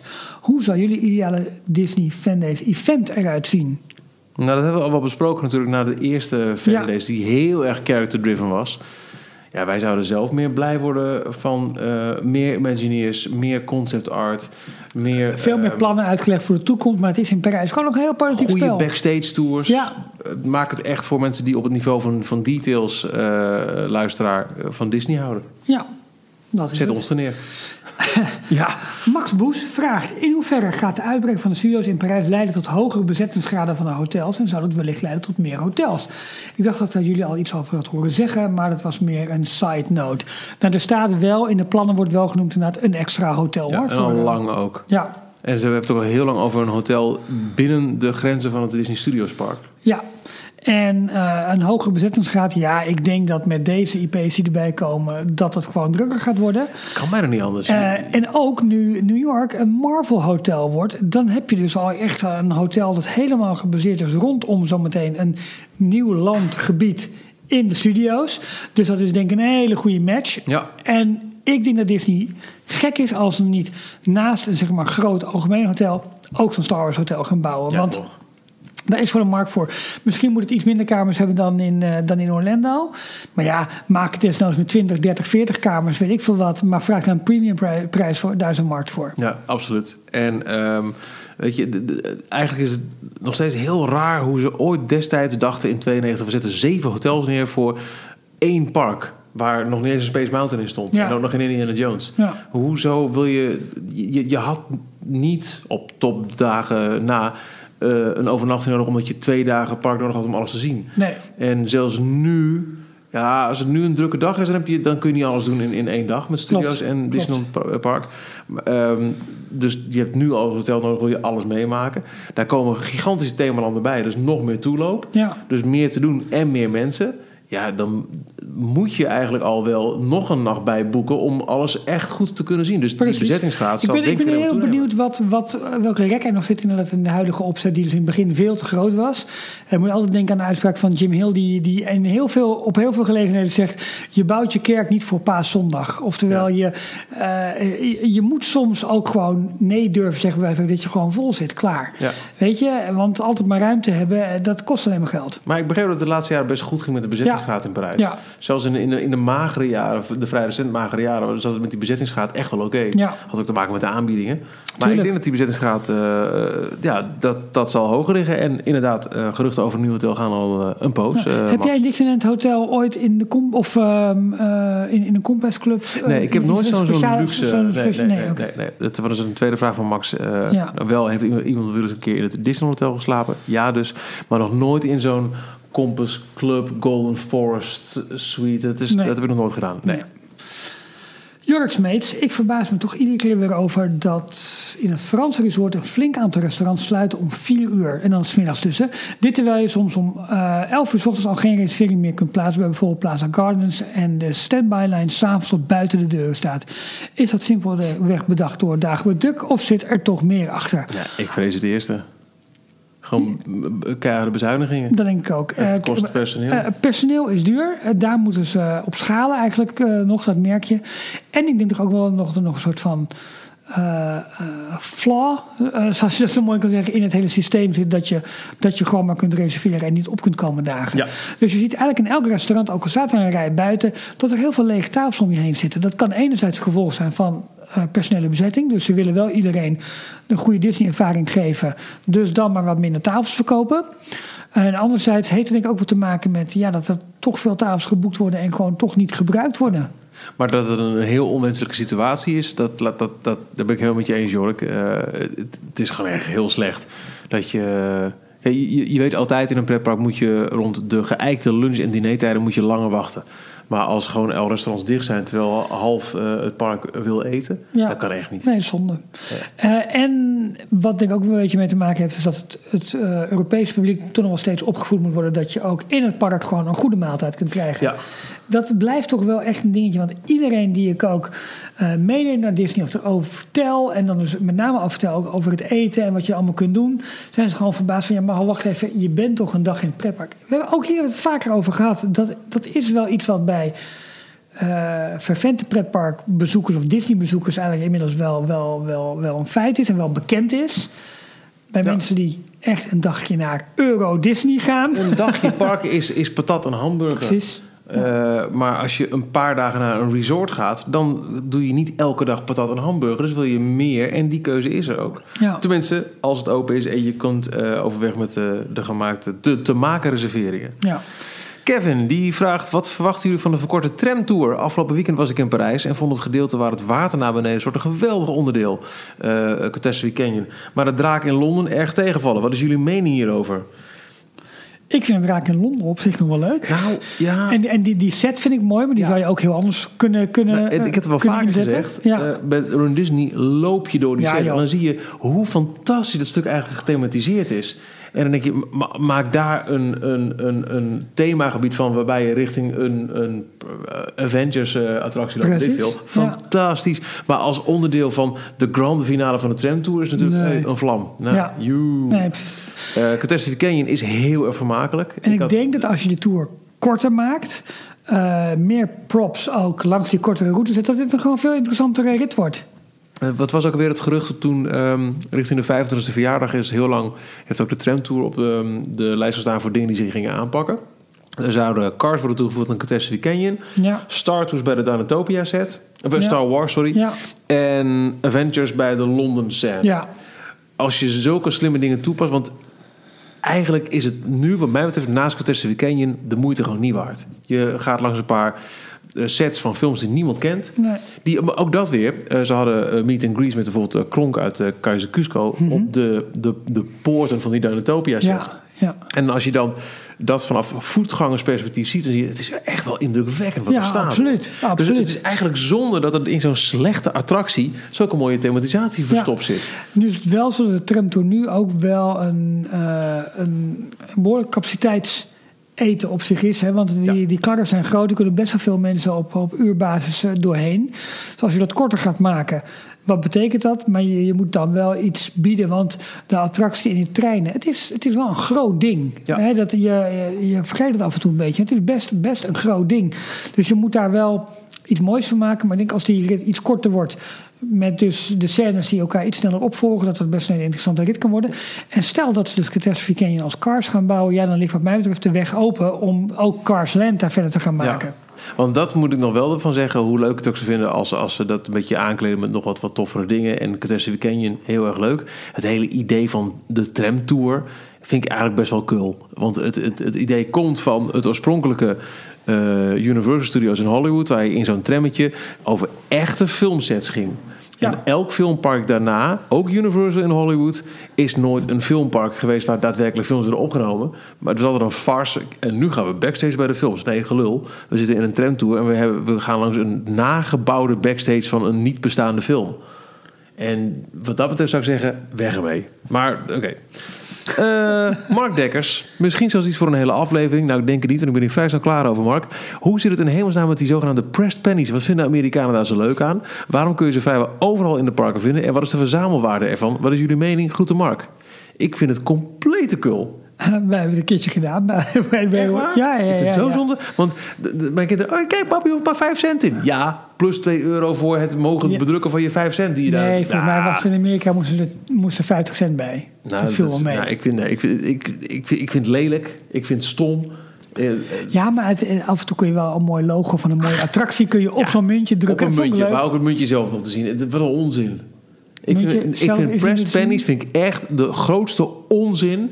En niet alleen in Disneyparken, elk park, Toverland loopt er ook, eh, zit er ook vol mee. Ik vind het onzin. Nou, je bent er in ieder geval duidelijk in. Ja. Wij hebben toen een heleboel gedaan in Walt Disney World en een behoorlijke verzameling van aangelegd. Serieus? Ja, ook in zo'n boekje. ermee? Gewoon af en toe kijken. Wanneer heb je voor het Kijk, laatst een bekeken? Een paar jaar geleden. Geen idee. Ik vond het toen heel leuk om te doen. Ja. En het kost in ieder geval geld daar. Nou, ik vind het stom. Nou, lekker dan. Maar dat dus, Mark. Sorry. Wat vinden Amerikanen zo leuk aan? Ja, misschien ook gewoon de... de eh, puur het feit dat je iets compleet... weggooien. Ja, maar dat is een beetje hetzelfde met pins. Ja, maar dat is nog een... Dat vind ik ook onzin, maar dat is nog een gemaakt iets met... Nee, nee. Brian, die wil ook iets weten. Eh, misschien leuk om te bespreken. Shanghai Disneyland en Hongkong Disneyland zijn de enige twee resorts zonder second gate. Dus een tweede park eigenlijk. Ja. Aangezien Shanghai zo druk is dat ze binnenkort er misschien wel eentje aan. Welk soort second gate verwachten jullie daar? Zal het oude studios concept worden gebruikt? Gaan we meer in Tokyo Sea zien? Of misschien wel een nieuw Animal Kingdom? Nou, ik denk het Studios Park is... eh, Dat is dood. Dat is, dat is dood. Dat is, dat is niet meer helemaal... met, Behind the eh, scenes is ja, weg. dat, dat, is, dat, dat is geen magie meer. Ja, vooropgesteld, overal. Shanghai heeft nog zoveel eh, ruimte binnen de eigen grenzen. Ik zie daar ook niet heel snel Ik tweede denk- park nee, aangekondigd denk worden ik niet, hoor. Ik denk dat ze nog eerst heel veel extra dingen in het e- eerste park moeten gaan plompen. Dat denk ik ook. Pompen en plempen. Dat denk ik ook. Eh, Hongkong is natuurlijk wel vrij klein. Ook nog niet maar klaar. ook de footprint daarvan is, eh, en de ruimte die eromheen is, weet ik niet zo heel goed hoe dat zit. Maar ze zijn, ja, in Hongkong zijn ze nu natuurlijk volop bezig met het nieuwe eh, kasteel bijvoorbeeld. Dus, dus daar, daar gebeurt, zowel in Shanghai als in Hongkong verwacht ik eerst dat ze in dat, dat huidige park optimaal gaan proberen te benutten. Ja. Eh, maar stel dat ze ergens een tweede gate gaan bijbouwen. Kijken naar wat Shanghai nu heeft, denk ik Star Wars slash Marvel. Want dat hebben ze daar niet. Nee, maar waarom zouden ze dat niet in het huidige park doen? Nou ja, omdat je dat misschien nog kunt zeggen, dan bewaren we dat juist voor de second gate. Ja, en dan misschien. Op de huid. Nou, Star Wars werkt niet in China. Dat is waar, ja. Nee. Nee. Marvel? Dat, wel. Dat, zijn toch, dat is er iets meer universeel al wel bekend. Volgens mij wel. Maar eh, wat, eh, wat toen ooit is eh, bedacht was. Voor, wat, wat een beetje, een beetje rondzong voor, voor Tokio. Was dat je had Disneyland, Disney Sea. En het zou Disney Sky kunnen worden. Oh ja, het, het, Disney het, Sky, het ja. derde park. Waarbij ze heel andersoortige IP's zouden gaan onderbrengen. Waaronder Pandora. Nou, dat wordt nu een uitbreiding van Disney Sea. Ja. Maar je zou daaraan kunnen denken. Ik denk dat we heel goed moeten gaan kijken naar wat Universal gaat doen met hun. Met hun eh, Nintendo, Lab. vier- nou ja, vierde park, derde, derde theme park, zeg maar. eh, als je Volcano Bay even apart, eh, apart zet. Want er gaan wel verhalen rond dat een, een park wordt beyond imagination. Oftewel, ja, dat wordt een ander park dan anders. Of dat nou betekent anders qua IP, hè? misschien wel inderdaad heel veel Nintendo erin. Of qua gastbeleving, of qua technologie die ze gaan gebruiken. Maar ik denk dat we, dat we goed even moeten gaan kijken naar wat Universal gaat doen. En misschien stellen die wel weer een bepaalde eh industriestandaard. Ja. Feitelijk wat ze in, in Orlando ook met Potter hebben gedaan. ja. En dan nog de Twitter-vragen. Eh, Dennis heeft een vraag voor Ralf, a.k.a. de Disney Catering Pro. Oh. Komt de Dole Whip naar DLP en wat zijn de beste alternatieven voor Dole Whip in DLP? Ja, ja, je hebt er nu de Pineapple Whip, hè? Ja. En dat is gewoon eh vanille softijs met ananassap en een siroop eroverheen, volgens mij. Ja. Punt is dat de Dole Whip, nou, eh, het woordje Dole is een... Dat is een merknaam. eh, eh, dat is een merknaam. Eh, Dus zoals Chiquita is Dole ook gewoon een fruitmerk. Precies, voor, voor banaan volgens mij, voor ananas, voor wat meer dingen nog. Eh, het is wel leuk om de, omdat de geschiedenis eigenlijk van de Dole Whip in Disneyland gaat Oh, daar best gaan we, hoor. ver terug. Eh, toen de Tiki Room in 1963 opende, eigenlijk was het het idee daarvan om daar een, een restaurant met een soort, een soort dinnershow van te maken. Ja. Maar eh, al vrij snel bleek dat ze toch iets meer capaciteit eh, nodig hadden. Dus het werd een gewone show met een soort Ja, en ze waren ook bang dat mensen niet het restaurant wilden verlaten, want ze wilden die show blijven Eh, kijken. Precies, precies, Ja. precies. Dus eh, het, het, het, het werd die show met daarnaast, ehm, nu ben ik eventjes, heet het Aloha Isle Refreshments? Heet het, heet het zo? Ja, in, eh, ja, ja. Nee, of heet het Nou, zo in Walt. Disney World? In ieder geval, je kunt daar dus de Dole Whip krijgen, maar dat is dus een, een soft ijsje met ananas smaak. Dus het, ijsje zelf heeft al smaak. En, dat, en, en de float is dan ook nog een keertje op ananas sap eigenlijk. Dat, dat is hem eigenlijk. Eh, de reden dat hij in Parijs niet is, is omdat eh, hij in Parijs ten eerste anders is. Dol zal het wel willen. Dat hebben ze ook al eens geantwoord in een, in een tweet van... luister eens, wij verbouwen geen vanille... dus wij leveren niet het ijs in Disneyland Parijs. We zouden het wel willen om daar ehm, ananasijs zeg maar, te, te gaan serveren.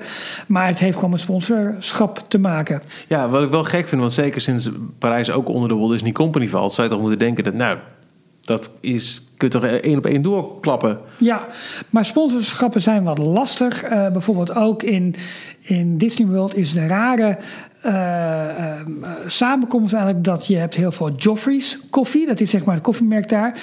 Maar ze gaan Starbucks steeds meer en meer in de parken laten. Wat betekent dat voor zo'n merk? Vroeger was het Nescafé. En opeens kwam daar Starbucks om de hoek kijken. Ja, eh, wat gaan we hier allemaal, allemaal doen? Dus, dus hoe dat loopt, deze wereldwijd en, en, en in Amerika zelf, is het nogal vreemd. Maar goed, ehm, Dole Whip, de originele zeg maar, kun je krijgen in Disneyland en Disney World. Ook wat locaties erbuiten. En inmiddels ook in, in een aantal resorts kun je die krijgen. In Parijs dus helaas niet. Ehm, er waren wel wat geruchten dat het ook naar Europa zou gaan komen vanwege een distributeur die hier misschien zou, zou, gaan, zou gaan leveren. Maar goed, je kunt in ieder geval zelf, we hebben het er al vaker over gehad. Ik denk dat wij hem ook in ons kookspecial gaan, eh, gaan maken. Maar je kunt via Amazon kun je die, eh, kun je die soft serve. Ja, eh, nou, ik vind het raar dat het niet gewoon. Ik had het echt al verwacht sinds het Ja. onder Amerikaans beleid valt in Parijs. Dat, Ja, Maar goed, we moeten het nu even doen met, met het En alternatief. be- het beste alternatief is dus de, de, de nepfloat. Heb je nog een ander alternatief wat je zegt in Parijs? Van, eh, nou, doe dan, doe dan die maar. Eh, nee. Nee, want het bijzondere is juist uit ananas ijs echt, Ja. vind ik. Ja. En, en, en dat... Ja, die in Parijs is, is lekker, maar het haalt het niet bij. Nee. Eh, ten eerste ook al omdat het kerstje en het eh parasolletje ontbreekt. Ja, maar het parasolletje heb je ook in Disneyland Orlando krijgt. niet, hè? Dat is nee, alleen dat is waar. Nee, ja. is alleen Disneyland. Ja. Eh, nou, favoriete hotel wil Rutger weten. Die hebben we behandeld. Stefan, wel een interessante vraag. Zien jullie D-Log verder ontwikkelen als platform? Zie bijvoorbeeld de stap die DSNY Newscast recent heeft gemaakt met Ja. een website en app. Ja, graag, maar eh, eerlijk is eerlijk, het is liefdewerk oud papier. En eh, we hebben al wel vaker gezegd, ja, er moet eigenlijk een app komen. Er wordt ook nog later gevraagd ergens. Ja, Ehm, oh ja, door Jasper komt er een app voor mijn telefoon waarmee ik supersnel het laatste nieuws in de roundups kan checken. Graag, maar dat kost tijd. Ik heb nog nooit een app gebouwd. Jij hebt nee, even luister, uh, luister Hans, die is daarmee bezig geweest. Het is een beetje stilgevallen, daar moeten we nog steeds naar met ook kijken. onze schuld. Het is, dit, is, Precies. dit is allemaal hobbywerk naast eh, zeer drukke eh, banen. Ja, Dus graag, maar lastig. dat is het. Eh, en ook nog een vraag van Stefan. Welke IP missen jullie in de parken als themagebied of attractie? Eh, ook behandeld van mij betreft uh. Ja. Hebben we nog, even kijken Ja. Lotte. Wat zijn de beste tips als je naar Disneyland Anaheim wil? Mij meenemen. dat Heb- sowieso. Hebben we ook wel eens. Nou, dat is wel iets waar we. Maar ook dat is tijd. wat we eigenlijk ook een keer moeten doen. We hebben in al die verschillende details en zo. hebben we van bijna elk resort inmiddels wel. eh, dan wel een virtual walk-around gedaan. Dan wel een tips and tricks special. Dan wel een hoe boek ik het special. Die moeten we eigenlijk een keer gaan bundelen per resort op één pagina. Ja. Ook al knippen we nog stukjes uit een, een podcast die over andere dingen gaat los. Maar nou ja, de beste tips van Disneyland Anaheim hebben we wel eens behandeld, Lotte. Dan zouden we even moeten kijken precies in welke aflevering het is. Dat heb ik niet paraat. Het spijt Nee. me. Silvio vraagt nog, wat zijn de beste niet-Disney hotels rondom de parken in Parijs? Weet ik niet. Ik ga nu voor het eerst naar een, eh, naar, Ja, zeg deze maar, een partnerhotel, naar B&B. Ik ben heel erg benieuwd. Ik ga het laten weten als ik, als ik, Ja. als ik terugkom. Maar ik hoor eigenlijk alleen maar goede verhalen over Kiliat, Dreamcastle. Jaren geleden een keer een Kiria gezeten. Oh. Vond ik prima. Ja. Maar ik miste wel de Disney touch. Tuurlijk. Het- tuurlijk. Het, het, ontbijt was volgens mij wel wat beter dan destijds de, de, de middenklasse slash eh, lagere klasse Disney hotels. Maar je mist toch de muziekjes, de, de, de, de Imagineer quirks, de, de, de characters, de, de looproute naar Tuurlijk, het park. Dat is, ja. ja... het, ik, vond, ik vond de pendelbus toch wat minder magisch dan. Is ook zo. Jawel, maar ik ben, ik ben heel benieuwd hoe... het- Want B&B is een van de nieuwere hotels die daar is geopend. Eh, dus ik ben, ben wel benieuwd. Ja.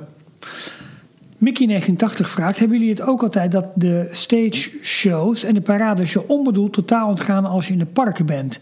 En hij tweet dit live vanuit Disneyland Parijs. Eh, ja, eh, als ik nu weer naar Parijs ga, inmiddels ken ik de parade wel. Eh, ik zou nog, zelfs voor Illumination zou ik wel een uitzondering maken. Ook al is het geen Dreams. Die zou ik dan wel willen zien. Maar dat is ook het laatste van de dag, dus dan is er ook geen, geen concurrentie meer. Ja. Maar ik ga nu niet meer, tenzij ik met mensen ben die het echt willen zien. Als in eh, noobs. Ga Ja. ik nu niet meer staan wachten voor de parade. Ik Nou, deze parade pak ik eigenlijk allemaal wel altijd wel even mee. Hoe leuk ook. Ja, vind ik wel erg leuk. Nou, ik zou het bijvoorbeeld wel met kerst of Halloween doen. Ja. Maar de huidige Stars on Parade, die, die ken ik wel. En die vind ik niet zo bijzonder, Nee. ondanks de draak, dat ik hem per se wil zien. Dan, dan pak ik toch liever de, de attractietijd. Ja. En dat, dat geldt al helemaal voor de stage shows. Die geloof ik eigenlijk wel. ja ik die heb zijn mijn die, kinderen eh, ontgroeid. Ja. Ik weet dat, dat- die, in die paar jaar dat je dat gigantisch lelijke podium had voor het kasteel. Ja. was net de, de tijd dat mijn kinderen er echt helemaal in zaten. En het New Generation Festival had Ja, ja, echt ja. een leuke show. Ja. Die moest je dan ook wel kijken. Want ja, de kids. Maar nu... Oké. Gilbert vraagt: welk ouderwets sprookje zouden jullie nog graag een Disney-versie van zien? Daar hebben we het vorige week eigenlijk een beetje Eh, over gehad. Roodkapje, hè? toch? Dat kapje hadden wij. eh, Ja, of moeten we voortaan echt houden op zelfverzonnen verhalen? En waarom dan wel? Nou, niet per se. Ik vind Disney en sprookjes vind ik wel een heel grote eh, mooie combinatie. Vind ik ook. En, en eh, Frozen is ook een, een bestaand sprookje. hè? Precies. De, de sneeuwkoningin, Ja. de ijskoningin. ja, maar eh Roodkapje, wat mij betreft, omdat het. Eh, ja, dit verhaal vroeger zo vaak gehoord. Ik zou daar gewoon wel eens een, een, een mooie Disney-glans overheen willen zien. Ja, en liefst wel met een glansrol voor de huidige grote boze wolf. Voor de Disney grote boze wolf. Oh ja, ja, ja. Dat zou ik wel vet oh, dat, dat, dat is je gelijk excuus om die dat Nou, ik, ik zou nog van eh, de, de drie biggetjes om die Oh, ja. een andere... Ja, oké. nou, dat komt dan mooi samen. Ehm, wanneer is volgens jullie de beste tijd om volgend jaar naar Disneyland Anaheim te gaan? Ik dacht zelf rond eh, september, oktober, want Halloween. En het lijkt me geweldig daar. En hopen dan Galaxy's Edge mee te pakken gelijk. Dat zegt eh, Fitwiz. Eh, ik ben, eh van mij vorige week ook verteld, ik ben vier keer in Anaheim geweest en per toeval drie keer tijdens Halloween. Ja. Ik vind het inderdaad een prachtige tijd. Je kunt daar ook nog, als je goed naar de, de, de, de, de, de, de, ah, waarom kom ik, de, de tourist, oh nee, Tourplans. Dank je. Ja. Als je naar touringplans kijkt kun je ook goed kijken naar welke dagen wel of niet eh, geschikt zijn. Ja. En je hebt zeker buiten de, de weekends en, en de vakantiedagen om, heb je in september, oktober daar geschikte dagen. En Ja. toch nog lekker weer. Ja. Dus dat is een heel goede aanrader. Het is fantastisch om de Nightmare Before Christmas eh, make-over te zien van de Haunted Mansion. Maar het is wel jammer dat je niet de Haunted Mansion ziet. Precies. Dat is wel weer een nadeel. Dat geldt ook voor, voor, eh, voor Space Mountain. Ehm, maar dat, is, dat, ja, dat, dat, dat zou ik echt wel aanraden. Nee, maar de beste tijd om volgend jaar naar Disneyland Anaheim te gaan is januari, februari, maart. Of misschien een stukje april. Want? Ik denk dat je daar niet wil zijn als Galaxy Edge open gaat. Nee, exact. Ik begrijp dat je het wilt zien en wil doen, maar reken inderdaad op eh, ofwel een premium prijs betalen om wel in het land al te mogen. Ehm, Ja, of en ook als je niet dat land eh, kunt zien, de rest van het park zou ook het tot gaat vollopen. toe... eh, het gaat vollopen. ja. Ik denk serieus dat de rijen voor Galaxy Edge tot buiten de poorten zijn mensen die puur alleen dat Ja. willen zien. Juist omdat je zoveel locals hebt. eh, Ah, ja, die annual pass holders. Die, die, die willen gewoon, en dat zal ongetwijfeld ook veel uitgeblokt gaan worden en zo. Ja. Maar het gaat daar zo druk worden. Dus ik zal daar wel mee uitkijken, heel eerlijk gezegd. Eh, En hou er rekening mee, als je in september, oktober gaat, Halloween, ook al vaker verteld, eh, dat er ook avonden zijn dat het park eerder dicht gaat, omdat er een hard ticketed event eh, rond Halloween s s'avonds is. Dus dat je dan beperktere tijd hebt en dat je met z'n allen dan zonder zo'n apart ticket naar DCA moet, wat dan weer extra druk is. Eh, en dat de annual pass holders juist in die periodes als er, als er seasonal entertainment is, s'avonds massaal naar de parken gaan. Waar een Ja. gemiddeld pretpark s'avonds rustiger wordt, is mijn ervaring elke keer in Anaheim wordt het s'avonds alleen maar drukker. Precies. Helemaal Ja. als je dan rond die Rivers of America loopt, dat is echt een mensenmassa. Waar je terwijl het overdag prima te doen was. Ja. Maar ga sowieso ook altijd voor de Max Pass. Ja. Carmen vraagt nog, ik denk dat het een van de laatste vragen is. eh. Wanneer weer eens een live uitzending? Ja, we hebben gezegd als daar een reden voor is. ehm, ik ben er steeds. Ja, sorry voor iedereen die genoot van de live YouTube streaming. Ik ben zelf steeds blijer dat we dat toch hebben eh, afgezegd. En dat we ook steeds meer de moeite doen om daadwerkelijk fysiek bij elkaar te gaan zitten.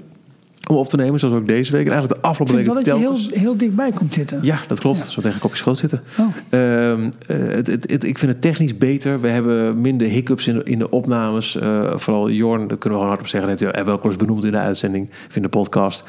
Eh, er zit iets in zijn MacBook waardoor af en toe een hiccup in de, in de opname komt. En dan moet je er weer helemaal gaan lopen rechtleggen. Dat is een montage Ja. gezeik. Dit is beter. En we zijn nu toch meer gefocust op het daadwerkelijk maken van een podcast. En daar begon het ook ooit ons om. Waarom? Ja, We- Niet alleen de liefde voor Disney, maar ook voor podcasting. En ja, het heeft een toegevoegde waarde om een camera's op te zetten. Want je kunt meekijken en als je dat zou willen is het leuk. Maar het is heel makkelijk om daarin door te schieten en eh luid te worden. Zoals Ja. eh, we deze week al eens hoorden. Eh, en ehm, uit het oog te verliezen wat je aan het doen bent. Namelijk een mooi audiodocument aan het maken. En dat vind ik als podcast, liefhebber en evangelist een heel waardevol iets. Wat niet je vraag beantwoord, Kamer. Want wanneer is er wel weer een live uitzending? Ja, als er toe is dus bij of een mooie aankondiging. En ik kan me voorstellen volgend jaar, maar misschien ook wel eerder hoor. Maar volgend jaar bij D23. Ik hoop, ik hoop, ik hoop, ik hoop dat Disney nu eindelijk een keer een goede livestream we zelf gaat doen. Technisch ook beter voor elkaar, dat we die kunnen incorporeren in onze livestream. Maar dan toch was het leuk hoe Het was heel leuk. We zaten aan deze tafel. Ja. Dus dan weet je ook gelijk waar we zitten als je, als je die eh, aflevering Precies. terugkijkt. Ja. En dan meekijken. Oh, eh, Parijs wordt genoemd. Oh, er komt een En theater in het Magic Kingdom. D23. Oh nee, toch niet. Ja, maar, maar zeker de volgende D23, daar gaat Parijs meer genoemd Kan toch niet anders? Kan niet anders. Kan niet anders. Dus we moeten tegen die tijd voor zorgen dat we er zitten en dat we het live kunnen prikken. Dat je mee kunt Ja. luisteren en kijken met ons. Dat, dat zou er echt zo zijn. Of ook misschien als er inderdaad groot, nog los van de D23, maar zoals ehm, onze 99ste uitzending, eh, toen we het nieuws hadden van de uitbreidingen, dat dat echt een meerwaarde. Want iedereen was zo hyped die dag dat je wil je s'avonds het, het, het Ja. samen delen in een Ja. livestream. Dus dat gaat zeker nog komen. En dat is misschien ook wel heel simpel als we een pubquiz doen of als we eh, een zoveelste aflevering hebben. Maar dan vind ik het inderdaad nog leuker om live met luisteraars erbij. In plaats van dat is via YouTube. Ja. Eigenlijk, Carmen, antwoord op de vraag: wanneer is er weer een live uitzending? We hebben geen idee. Ik denk dat het de laatste vraag was. Ik denk het ook. Ik moet nog Ehm, wel even een melding maken. Die heeft geen vraag gesteld, maar die heeft eh, eh, mij wel gefeliciteerd vanuit Anaheim. Dat was luisteraar Frank van Dam. En die heeft er ook nog een foto bij gemaakt waarbij hij een dolwip met een parasolletje en een kerstje erop mooi eventjes op een harte gefeliciteerd met je verjaardag. Dat is toch was lekker, heel leuk. Ja, de- de- we, we zijn er doorheen met, eh, met alle vragen. Dan rest ons nog één ding. Ja, dan moeten we gewoon op play drukken. Dan moeten we weglopen, want dan komt Jorn aan het woord. Ja, eh, ik heb het nog niet gehoord. Jij wel. Dat kan. We hoeven niet te fingeren dat we reageren op zijn eh, verhaal. Nee, hoeft niet. Heb je nog iets van een inleiding? Ja, hij is in Japan. Oké, dat weten we dan bij deze. Hij is in Japan. Hij is naar Disneyland Park al geweest. En zijn laatste verslag is dat vanuit Disney Sea. En ik ben zo jaloers. ik ben echt heel erg jaloers. Ja? Dus ik zou zeggen, ja, eh, geniet van... Het is maar kort, eventjes wat fragmentjes die Jorn heeft, eh, die Jorn heeft opgenomen. Geniet er even van. Je hoort de omgevingsgeluiden. En je hoort gewoon dat hij daar aan het, aan het glunderen en aan het genieten is. De kat gaat nu toch echt de boel afbreken. En Eh, wat, wat ja. mij betreft zou ik dan zeggen... Tot volgende week. Ralf, veel plezier in Parijs. Want jij gaat er deze week naartoe. Dat gaan we volgende week horen. We Ja. verwachten ook Jorn volgende week terug. Dus horen we echt uitgebreid zijn ervaringen. Bedankt voor het luisteren. Vergeet niet, we zijn er elke dag op eh 12 uur... met het laatste Disney nieuws op dstplog.nl. En deze podcast die beluister je waar je ook maar wil... ehm, via eh, dstplog.nl, Spotify, Apple. Ah. Tot volgende week. Tot volgende week. Hier is Jorn. Hey Ralf, hey Michiel. Ik, eh, ik ben er. Ik, eh, ik sta nu in de wachtrij van eh, Big Thunder Mountain. Ehm, even wat eerste indrukken. Eh, ik ben dus in Tokyo Disneyland, nog niet in Tokyo Disney Sea. Het is druk, heel erg druk. Ik weet niet eens of dit nou gemiddeld is of dat het gewoon... of dat het extreem druk is. Maar er staan overal wachtrijen van minimaal een uur bij de grote attracties. Nou, dat was het treintje van Big Thunder wat je achter, achter me hoorde. Ehm, en vastpassen staan ook allemaal al op eh, half negen vanavond. Het is nu pas eh 12 uur in de middag. Dus eh, ja, dat wordt een, een lange dag, denk ik. Met veel in de wachtrijen staan. Bij Big Thunder stond nu 70 minuten. Maar ja, toch maar besloten om gewoon in de normale wachtrij te gaan staan. Want anders dan doe je helemaal niks. En hopen op dat het een beetje door, doorloopt. Maar wat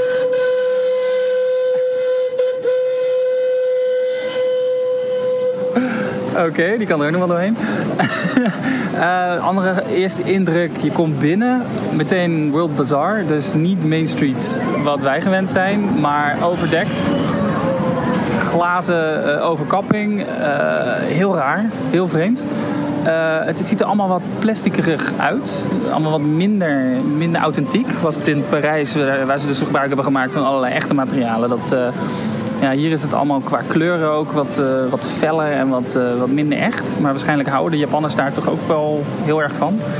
En de, de, de, de paden die zijn zo breed. Dus je hebt gewoon enorm brede eh, voetpaden. Maar dan nog is het hartstikke druk. Dan haalt men iedereen, of iedereen haalt elkaar maar in. En dan heb je zoveel ruimte, maar dan wordt het nog niet goed gebruikt. Ehm, ja, verder heb ik nog niet heel veel van het park gezien. Ik heb net eh, alleen maar Haunted Mansion gedaan met de overlay voor A Night- A Nightmare Before Christmas. Heel erg leuk om, eh, om die te zien in het, eh, in het Japans. Dus je begrijpt qua eh voice-over begrijp je niet helemaal, maar de, de, attractie zelf, de overlay zelf, is echt heel erg gaaf gedaan. Dus ik, ik, ga, ik ben benieuwd hoe lang deze wachtrij nog duurt en ik ga gewoon genieten. We gaan kijken wat we vandaag allemaal kunnen doen. Kom later wel weer terug. Ik sta nu eh, in de wachtrij voor Pirates of the Caribbean, dus ik weet niet of ik goed eh, te horen ben. Maar ehm, we hebben het eh, Splash Mountain gedaan. En wat me onder andere opvalt is hoe goed de attracties erbij liggen. Hoeveel effecten werken, hoeveel eh, animatronics er te zien zijn. Volgens mij een stuk meer dan de versies in Florida en Californië. En die doen het ook, ook gewoon allemaal. Dus het park ligt er wat dat betreft echt heel erg mooi bij. En de mensen zijn allemaal netjes, gaan netjes in de rij staan. Er staan bij alle, overal staan wel lange rijen, ook bij de popcornkraampjes bijvoorbeeld. Ehm, en we staan nu dan in Pirates of the Caribbean de wachtrij, maar die loopt redelijk goed door. Dus uh, eh, 20 minuten wachten valt, valt mee. Um, maar wat, wat dan weer lelijk is, is uh, bijvoorbeeld de vloer. Overal in alle landen ligt gewoon een grote asfaltvloer, een betonnen laag. In een verschillende kleur, wat dan aangeeft in welk land je bent. Maar uh, wat we in Parijs hebben met uh, karrensporen en een grond die past bij de locatie, dat hebben ze hier niet echt. Ze hebben dan bij Splash Mountain wel een klein beetje dat er wat berenvoetjes en zo in staan.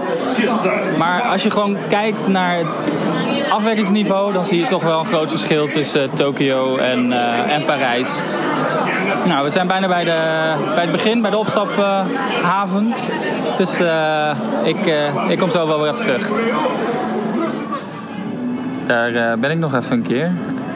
ik zit nu op een terrasje aan de waterkant in de Lost River Delta in Disney Sea. Waar de schemering al is ingevallen, de lampjes staan allemaal aan. En, ik heb er een heel leuke dag Tokyo Disney Sea op zitten. Misschien uh, voor de mensen die Instagram gevolgd hebben, die hebben wat foto's voorbij zien komen. Het is toch. Ik, het blijft een super mooi park. ik ben er natuurlijk al één keertje eerder geweest. Maar ik was echt. Ik vind het echt zo gaaf om weer een keer weer terug te zijn hier. En het park ligt er ook echt heel erg mooi bij. En ik vind het nu vooral door gisteren in Tokyo Disneyland geweest te zijn. Uh, en dan nu hier de hele dag te lopen, dat je het contrast zo duidelijk ziet. Dat Tokyo Disneyland is een heel mooi park. Uh, de mensen zijn er allemaal aardig, de, de medewerkers. Uh, het ligt er allemaal heel schoon en netjes bij. Alles werkt, heel veel effecten. Maar het is het toch net niet helemaal wat ik gisteren ook al, of wat ik al eerder aanhaalde. Het is eh, veel beton, grote open vlaktes eh, en heel veel verschillende thema's en attracties bovenop elkaar gebouwd. Waardoor het, het overal uh, een beetje, beetje wegvalt eigenlijk. En je merkt hier in Tokyo Disney Sea dat daar veel beter over nagedacht is. En alles is veel ruimer opgezet. Maar juist de, de, de, wandelpaden zijn allemaal weer wat kronkeliger. Dus het is echt een ja, het Disneyland Park in Parijs. Uh, een beetje in, datzelfde, in diezelfde stijl. Maar dan compleet ander park. Met echt toppers van, van attracties. Van Indiana Jones Adventure, die, uh, wat een kopie is uit, uit Anaheim. Um, tot de Tower of Terror met zijn unieke verhaal over uh, Harrison Hightower. En tot en met Mysterious Island, waar nou, wat ik nog steeds echt de nummer 1 Disney-attractie ter wereld vind. Um, Journey to the Center of the Earth. Waarbij je dus eerst uh, daar het diepste van de, van de aarde moet afdalen. Om vervolgens in een, uh, in een voertuig plaats te, nemen die, uh, die het binnenste van de aarde gaat, gaat ontdekken. En dan ja, gaat er natuurlijk weer van alles fout. En uiteindelijk schiet je met een rotgang uit de zijkant van, van Mount Prometheus, de vulkaan van, dit, van dit land. Ik, ja, ik heb echt een hele leuke dag uh, erop zitten. Ik uh, ga zo meteen denk ik nog even Fantasme kijken bij, uh, bij de ingang. Um, en ja, ik hoop dat jullie verder een leuke uitzending hebben, Ralf en Michiel. tot, tot de volgende week, dan ben ik er gewoon weer bij. Tot zover deze aflevering van Details. Check d-log.nl voor meer afleveringen. Vergeet je niet te abonneren en tot de volgende keer.